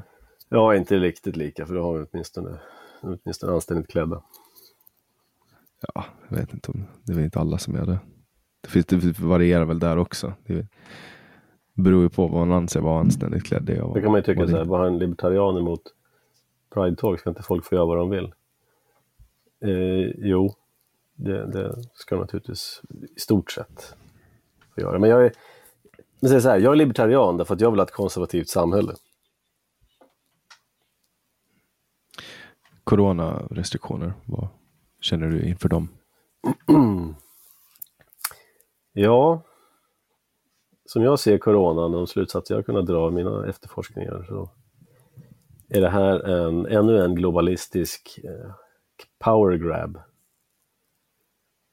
Eh, det är mycket obehagligt tycker jag, alla de restriktioner som man inför. Och det här är ju någonting som som politiker drömmer om naturligtvis, att, få, att kunna kontrollera befolkningen. Har man passat på att ta en power grab under en pandemi eller anser du att pandemin är fabricerad för att kunna? Jag, jag anser att viruset är riktigt. och för ett mycket litet antal människor så är det väldigt farligt. För den stora majoriteten, speciellt för unga friska människor, så är det i stort sett helt ofarligt. Det finns ju de som drabbas väldigt hårt. Ja, det gör det. Absolut. Och långtidscovid och Ja, absolut. absolut. Men det är absolut ingen anledning att, att stänga ner samhället, att begränsa människors frihet på det sättet. Jag, jag vänder snarare på det. Är du rädd för det här, och vissa människor bör vara rädda för det, men om du tillhör de som är rädd för det, ja men då stannar du hemma tills det här är över. Tills vi har en tillräcklig immunitet i samhället. Men istället så ska man spärra in alla. När, när, när har man gjort det för i världshistorien och varför? Förr så brukar man göra så att om det kommer en ny influensa, då låter man de unga smittas och bygga upp en immunitet i samhället. Till exempel så brukar man spärra in eh, värnpliktiga. Ja, nu får ni ligga här på liksom, logementet i två veckor, testar över, smitta alla, alla blir sjuka, bra, sen kommer ni ut. Och så blev man av med, med eh, ja, så besegrar man då de här olika sjukorna. Istället har man nu spärrat in hela samhället här, stänger ner, folk förlorar sina företag, sina jobb. Um, ja, total ekonomisk katastrof. Men jag anser att det här är det som ingår i det här, the great reset. Där vill man ju att det ska ske. Vissa vill att det här ska ske. Um, vaccin, har du tagit ett vaccin? Inte coronavaccin, nej. Kommer du att göra det? Nej, kommer jag inte göra. För det första anser jag inte mig vara i någon riskgrupp. för, ans för andra så börjar det nu komma fram så mycket skadeverkningar från de här vaccinerna. Så att eh, jag är totalt ointresserad. Varje människa måste göra en riskbedömning. Så fort du gör ett medicinskt ingrepp så måste du göra en riskbedömning för din kropp, ditt liv. Alla kroppar är olika. Vissa människor är allergiska mot någon grej, okej? Okay? Då har de högre risk för det. Då kanske de inte ska ta en typ av medicin eller någonting. En annan människa tål det. Så att om du står inför ett val och gör ett medicinskt ingrepp, då måste du tänka på vad är, vad är den potentiella nyttan här? Och vad är den potentiella risken? Så måste du personligen avgöra om du tycker att nyttan är större än risken. Okej, okay, då gör du det här medicinska ingreppet, kanske. Om du tycker att risken är större än nyttan, då avstår du. Det här är ingen annan som ska avgöra åt dig om du ska göra det här. Det liksom här är en grundläggande rättighet, rätten till din kropp. Som man brukar säga när man, kvinnan har rätt till sin kropp. Men tydligen inte när det gäller vacciner. Så att varje människa måste göra en riskbedömning om det här är värt det för, för honom. Och det är han som ska fatta beslutet. Eh, och för min, ja, för min del anser jag inte att det är värt det. Inte på långa vägar. Vad fick dig att komma till det beslutet? Nej, men jag, jag tittar ju på... Jag är en frisk person, starkt immunförsvar. Ehm, jag... Eh, ja, min sjukdomshistorik är inte speciellt svår på något sätt. Eh, jag har klarat av influensor förut. Jag jag är inte speciellt rädd av mig. Så... Och sen så det var det ena, det var liksom ja, att jag är en frisk person. Det andra är att det här vaccinen, de här vaccinerna har så liten historik. Eh, det, det är ny teknik med obeprövad historik. Den, det man har sett när man har prövat det här, det är att eh, det har en hel del risker. Så i och med att nyttan är så liten för mig så tycker jag att risken klart överväger att delta i det här som jag anser vara experimentet. Om jag vore döende, då kan jag tänka mig att ta experimentella behandlingar. Men eftersom jag inte är döende och ganska frisk av mig så tycker jag inte att jag vill vara med i det här experimentet. För det är ett experiment. Den här RNA-tekniken? Ja, det, är en, det, är, det måste betraktas som att vara på experimentstadium. och nu när de här biverkningarna kommer fram här nu mer och mer, då känner jag mig ännu mer nöjd med mitt beslut. Mm, typ eh, benägenhet att betala skatt, benägenhet att ge bort sina rättigheter. Är det de biverkningarna du tänker på? Eh, på viruset menar du eller? Eller på vaccinet? Nej, ja, vaccinet. Jag skojar bara. Ja. Men, eh, man, jag vet inte om det, om det går på hjärnan på något sätt också. det får en att vilja betala mera skatt. Ja, och, eh, gå med i facket. det finns faktiskt eh, vissa tecken på att det påverkar den kognitiva förmågan också. På vilket sätt då? Eh, ja, att man blir lite mer trögtänkt helt enkelt. Mm. Lite mer lydig. Nej, lydig vet jag inte, men lite, får lite svårt, svårare att tänka. Du, du har de här brain fog som det talas om till exempel. Det är bara en, en grej. Men sen så har du ju väldigt problem med eh, vad heter det? Eh, blod, eh, Propparna, blodproppar, du har lungproblem, det börjar komma fram tecken på att det kan orsaka och förvärra cancer. Så du kan få en ganska explosiv eh, cancerform. Ehm, det finns tecken på att det pajar immunförsvaret. Eh, immunförsvaret har ju ett minne av tidigare infektioner och recept på antikroppar hur de ska slås ut. Och det finns, det finns tecken på att eh, de här vaccinerna, det här, det här viruset och vaccinerna som ger samma typ av spikprotein har en förmåga att, att slå ut delar av det här immunitetsminnet. Och sen har det en effekt som heter ADE eh, som gör att en dålig, eh, en dålig antikropp, om, om vaccinet inte ger tillräckligt bra antikroppar, så kan varianter av viruset använda de här antikropparna för att ta sig in i cellerna lättare. Vilket antagligen är var, varför vi nu ser att många vaccinerade har många gånger högre risk att drabbas av olika typer av varianter, deltavarianten till exempel. Mm. Så att eh, det här, jag, jag, tror att det här kommer bli något av en skandal här med tiden. Mm. Ja, det är ju må många påståenden där man får ju kolla upp de här. Nu, nu, kan man ju inte, nu kan man ju inte droppa källor så här, men, men jag utgår ifrån att du har, har någon form av, av uppbackning på ja, ja, påståendena. Det här, finns, det här finns massor med vetenskapliga rapporter på det här. Mm, Absolut. Får... Den som vill ha kan bara höra av sig så ska jag servera. Mm. Uh, för det är också en sån känslig grej nu att när man, när man pratar så ska man alltid ha källhänvisningar. Det ska man ju alltid ha.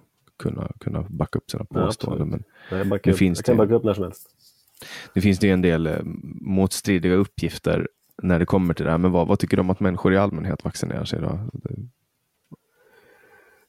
Eh, alltså har man gjort en, en rimlig bedömning över det hel, av det hela, om man tycker att för min del så är kalkylen sådan att eh, nyttan överväger riskerna, tycker jag att det är helt okej. Okay.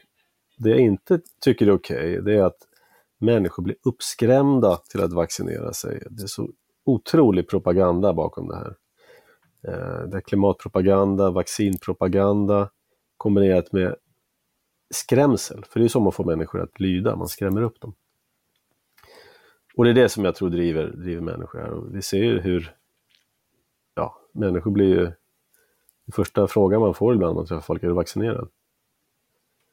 Um, ehm, ibland så bara säger jag, ja, jo, ja, jag är vaccinerad. Och så mm. tänker jag att jag är vaccinerad mot dumhet. De vill inte veta vad jag är vaccinerad mot. Jag, får ju, jag tänker ju så här att att om jag, om jag vaccinerar mig då kommer jag kunna röra mig på platser igen. För det finns ju någon vaccin, eller så vaccinpass i Finland nu. Ja, det. det finns i, finns i Sverige också, men, men här så finns ett vaccinpass. Som, snart kommer de att börja kräva att man visar det om man vill ha allmän till vissa, äh, tillgång till vissa äh, allmänna. Ja, det är okej okay för mig. Jag, jag har egentligen fogat mig i tanken att aldrig mer lämna landet om det är det som krävs. Jag kommer inte ta vaccinet ändå. Men om du har, fått, om du har haft corona så kan du... Faktum är att jag tror att jag har haft det dessutom. För har, har du antikroppar så kan du ändå få ett sånt här Ja, men jag har nog inga antikroppar kvar att visa. Det var länge sedan. Jag, var, jag, tror att, jag tror att jag hade det här faktiskt innan det ens kom på tal. För att jag kommer ihåg att jag fick en så märklig influensa. Jag hade, på nätterna hade jag nästan 40 graders feber. På dagarna så gick febern ner, sen på kvällen så började det igen. Jag höll på så här en vecka. Eh, och jag fick sån huvudvärk att jag var tvungen att ta huvudvärkstabletter, det brukar jag nästan aldrig göra. Um, och sen, ja, det var en väldigt ovanlig influensa, jag sa det här i familjen också, konstig influensa det här. Och sen en månad senare så började det pratas om den här eh, coviden. Jag har hört flera som hade det på, på hösten, alltså typ oktober, november, ja. före det kom. Jag hade också en riktigt jävla konstig och, och en av de värsta influenser jag haft någonsin. Mm. Men sen fick jag corona i precis i början mars. Uh, ungefär då, mm. när, när det begav sig. Och då hade jag huvudvärk i två dagar. Extrem huvudvärk. Ja, just det. Extrem huvudvärk hade jag också. Men bara det. Inga, inga annat. Inga luftvägssymptom, inga rinnande näsa, utan bara det. Just. Och sen uh, gick det över. Ja. det gick bra för dig också. Jag tror att jag hade det också. Mm. Sen fick jag inga biverkningar. Från, jo, jag fick en biverkning faktiskt när jag tog vaccinet. Mitt kaffe smakade metall. Just det, jag hört flera som säger den metallsmaken. Mm, det, det, hade jag. Det, då blev jag lite skrämd för att kaffe är en av de viktigaste komponenterna i, i ett lyckligt liv för mig. Så jag blev mycket, mycket för, fördärvad. Men, men ja, det löste sig. Det började smaka kaffe igen. Ja, men då har du köpt biljetten då till friheten då. Du kan ha, få ett vaccinpass och sådär. Fast sen måste du fylla på naturligtvis med trean, och fyran, och femman och sexan för att upprätthålla ditt... Uh... Ja, jag ska få min, min tvåa nu den här veckan faktiskt. Om några dagar ska jag få mitt. Ja, om, du vill ha, om du vill ha källor så säg till så kan jag skrämma upp det lite. jag skulle inte ta den. Ja, det, jag, har, jag har ju redan första så jag kan lika gärna ta andra. Okay.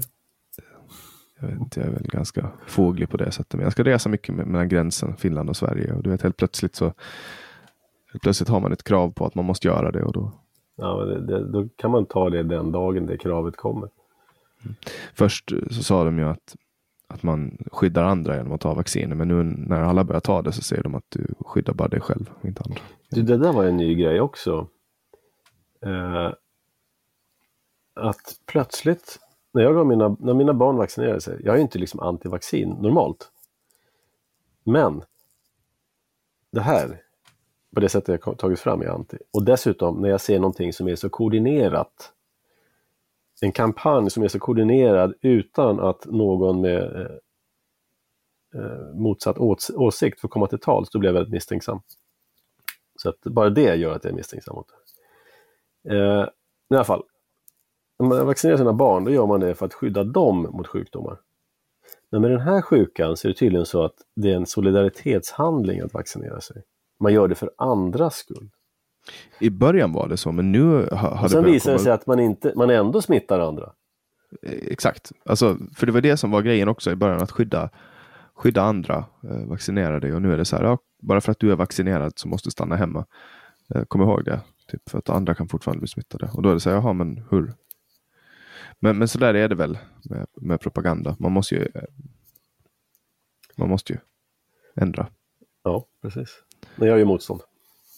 Jag mm. faller inte så. Bara, bara, inte tillräckligt många gör det. Det är väl det som är, alltså du, du får ju göra som du vill. Du har ju rätt till din kropp liksom och, och så. Men bara inte för många gör det. Det är då man har ett problem. Men du är vaccinerad, du behöver inte vara rädd för mig. Jag är rädd för ditt tankegods. Ja, jag, jag, är inte vaccinerad mot dina onda tankar. Ja, det, varför, vaccinerade människor är så rädda för de som inte är vaccinerade. Varför det? Litar de inte på vaccinet? Mm.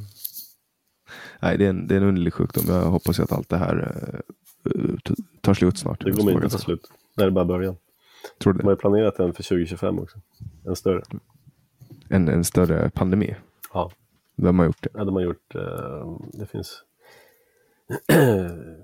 det, det, finns dokument på där man har simulerat en stor pandemi 2025. Man hade simulerat den här också innan den här började. Vem, jag säger inte att det kommer bli så, men det, finns, det, det, följer ett mönster här, att man simulerar och släpper ut lite små ledtrådar om vad som skulle kunna komma här i framtiden. Vem, vem har gjort det? Ja, jag kommer inte ihåg. Det var ett officiellt dokument i alla fall. Jag kan skaka fram det om du är intresserad. Du kan googla också.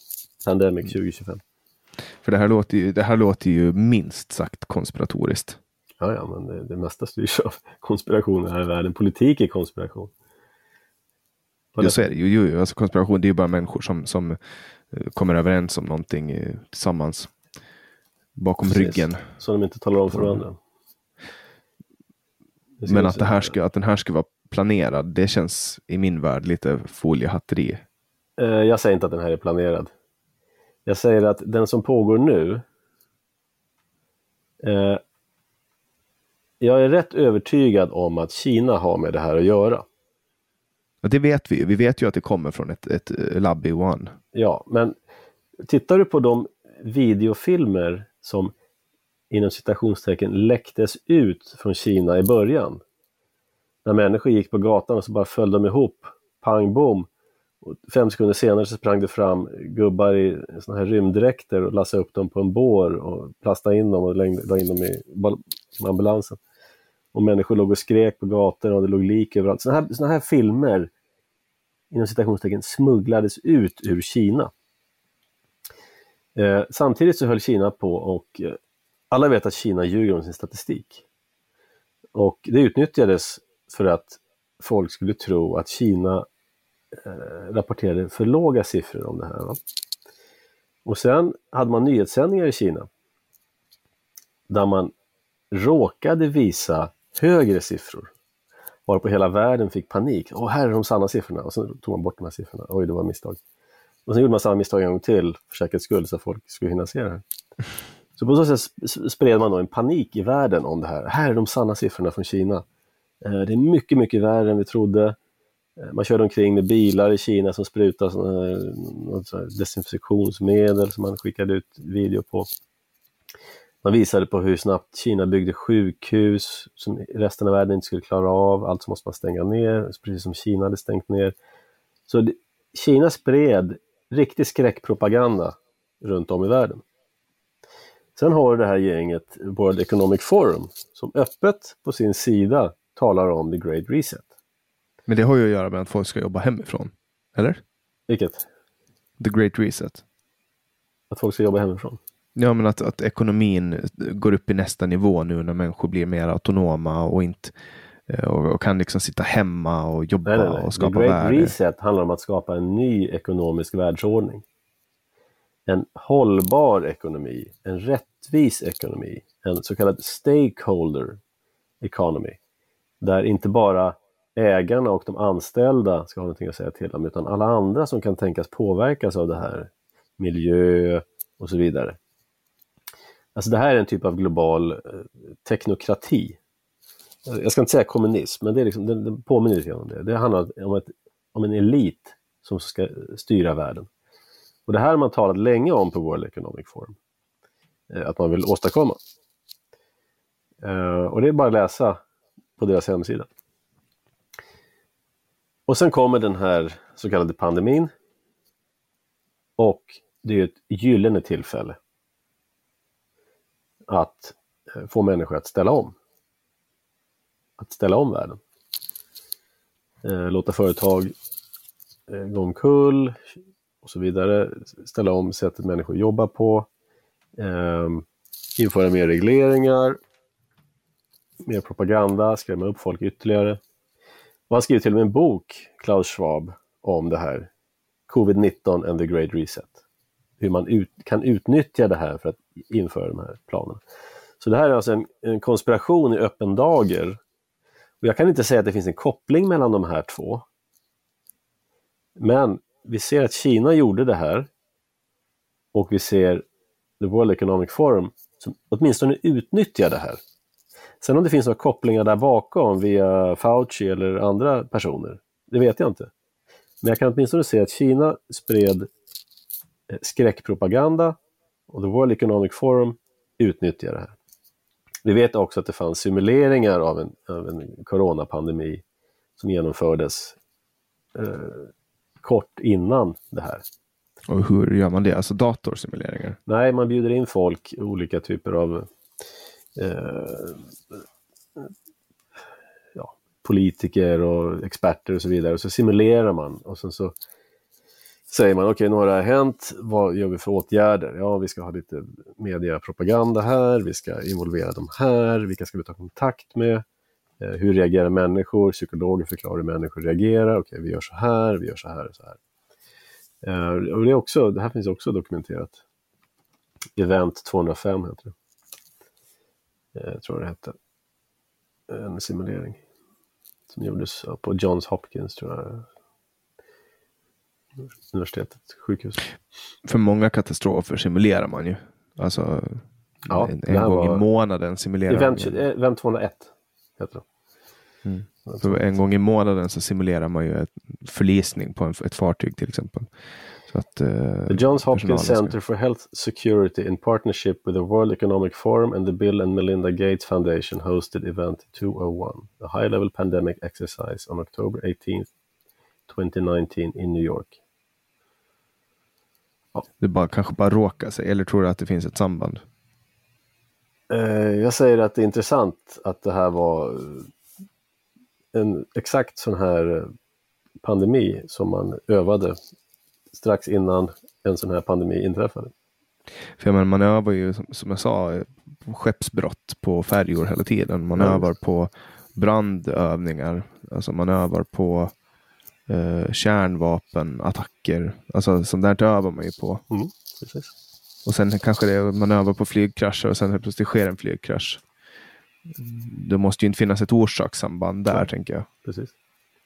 Måste inte.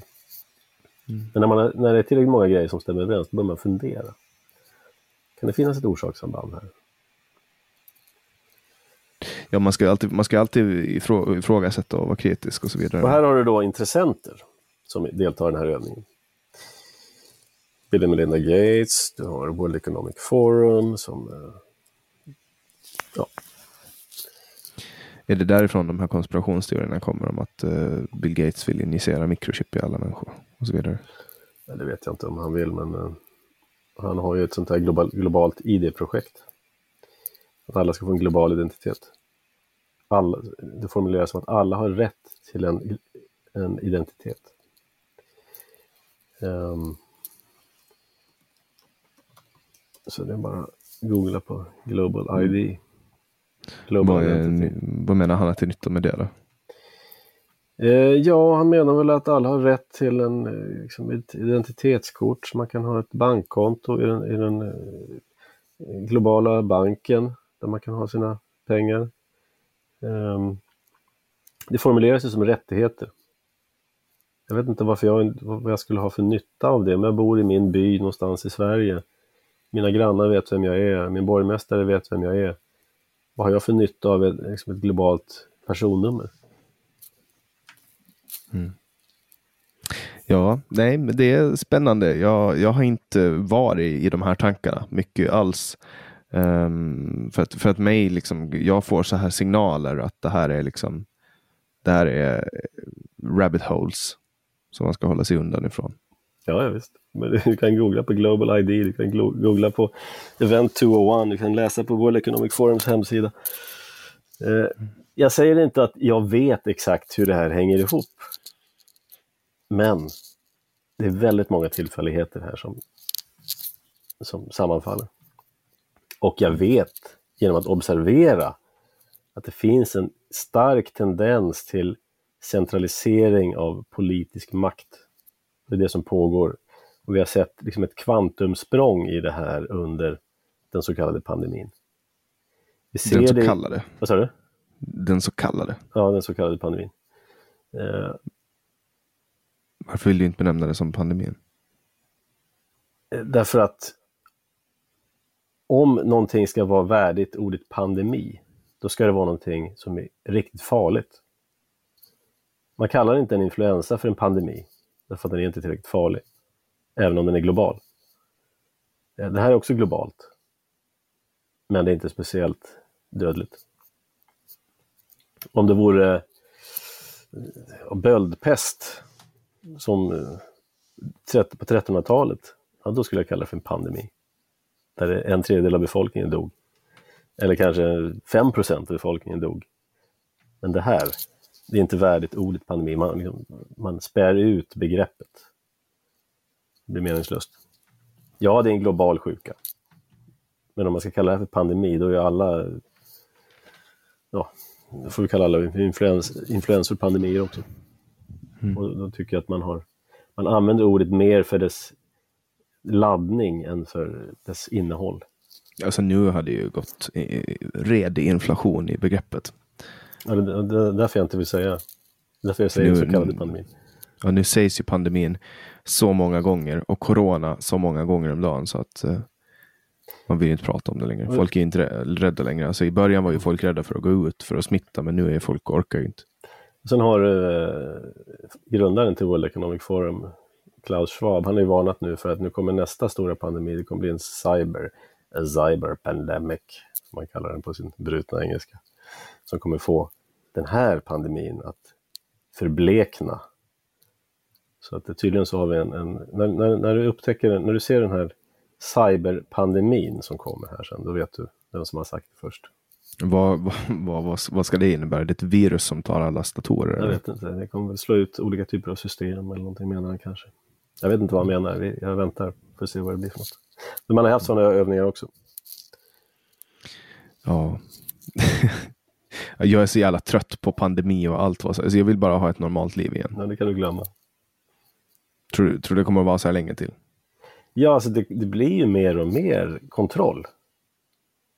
Du kommer få vaccinpass, du kommer inte kunna resa. utan det här passet. du kommer få ett, med det här passet kommer du antagligen få ett, ett liksom globalt personnummer, identitet. Eh, det lobbas för globala skatter, det lobbas för EU-skatter, det lobbas för globala skatter. Så att kalla det för rabbit hole eller konspirationsteorier eller vad du vill, men tendensen är åt det hållet. På många olika fronter. Dina transaktion, finansiella transaktioner registreras, eh, de görs tillgängliga för analys, eh, din kommunikation registreras, EU vill ha tillgång till, eh, till Facebook, Sverige vill ha tillgång till Facebook, Messenger, dina mail. Alltså det, vi går mot en global, to, mer eller mindre totalitär stat. Men om det visar sig att du har fel så är du beredd att erkänna det? Jag hoppas jag har fel. Mm. Jag vet inte att jag har rätt. Men av det jag ser så är det dit vi är på väg. Så, det är det jag menar med globalism. Ska vi kalla dig för uh, skeptiker? Jag vet inte, jag vet inte vad det innebär riktigt. Uh, du har ju Skeptikerföreningen Vetenskap och folkbildning eller vad de kallar sig. Mm. Som är smått, smått galna. Så jag, de kallar sig för skeptiker, så jag skulle helst låta bli att... Ska corona-skeptiker? Ja, alltså corona. Corona är verkligt, absolut. Men det är inte så farligt som, som man vill få det att verka.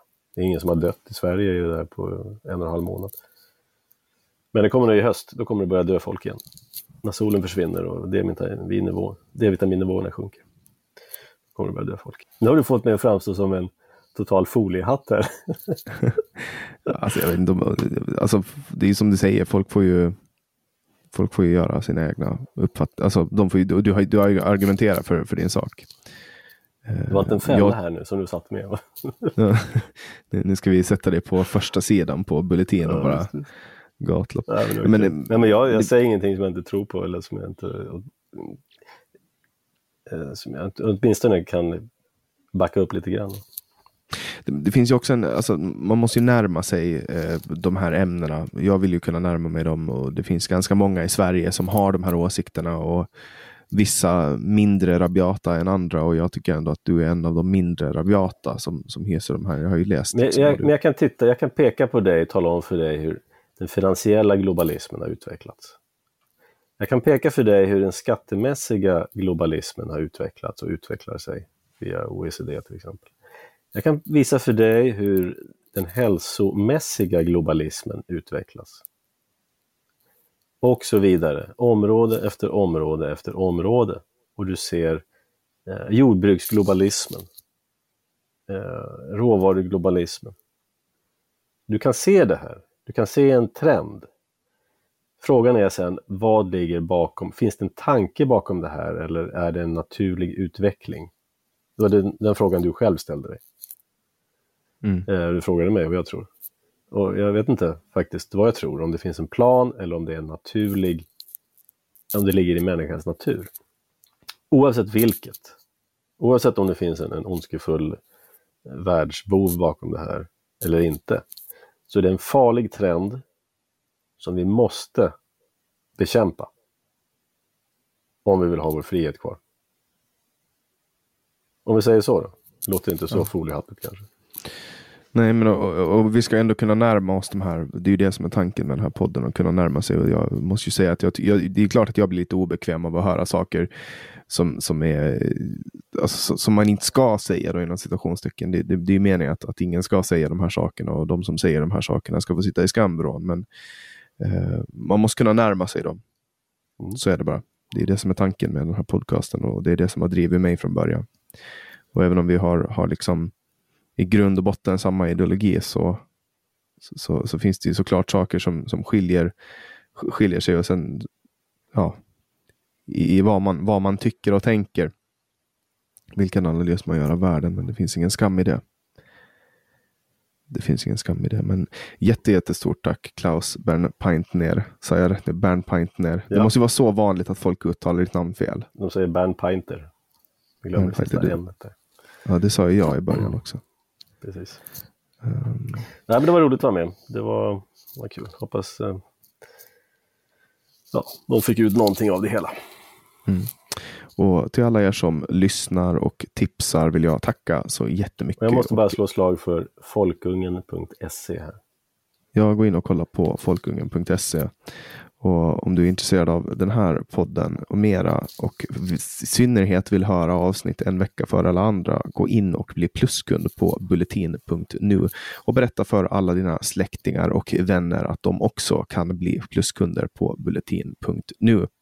Då får ni tillgång till allt plusmaterial, alla poddar tidigare och exklusiva poddar, men också alla låsta artiklar. Mer om den här podden kan du läsa på www.samtal.ax. Där kan du också önska gäster. Eh, och jag hoppas att ni som har önskat Klaus nu känner att ni har fått lite frid i själen när jag har lyckats leverera. Jag släpper nya samtal alla onsdagar året runt. Jag heter Jannik Svensson och du har lyssnat på podcasten Samtal.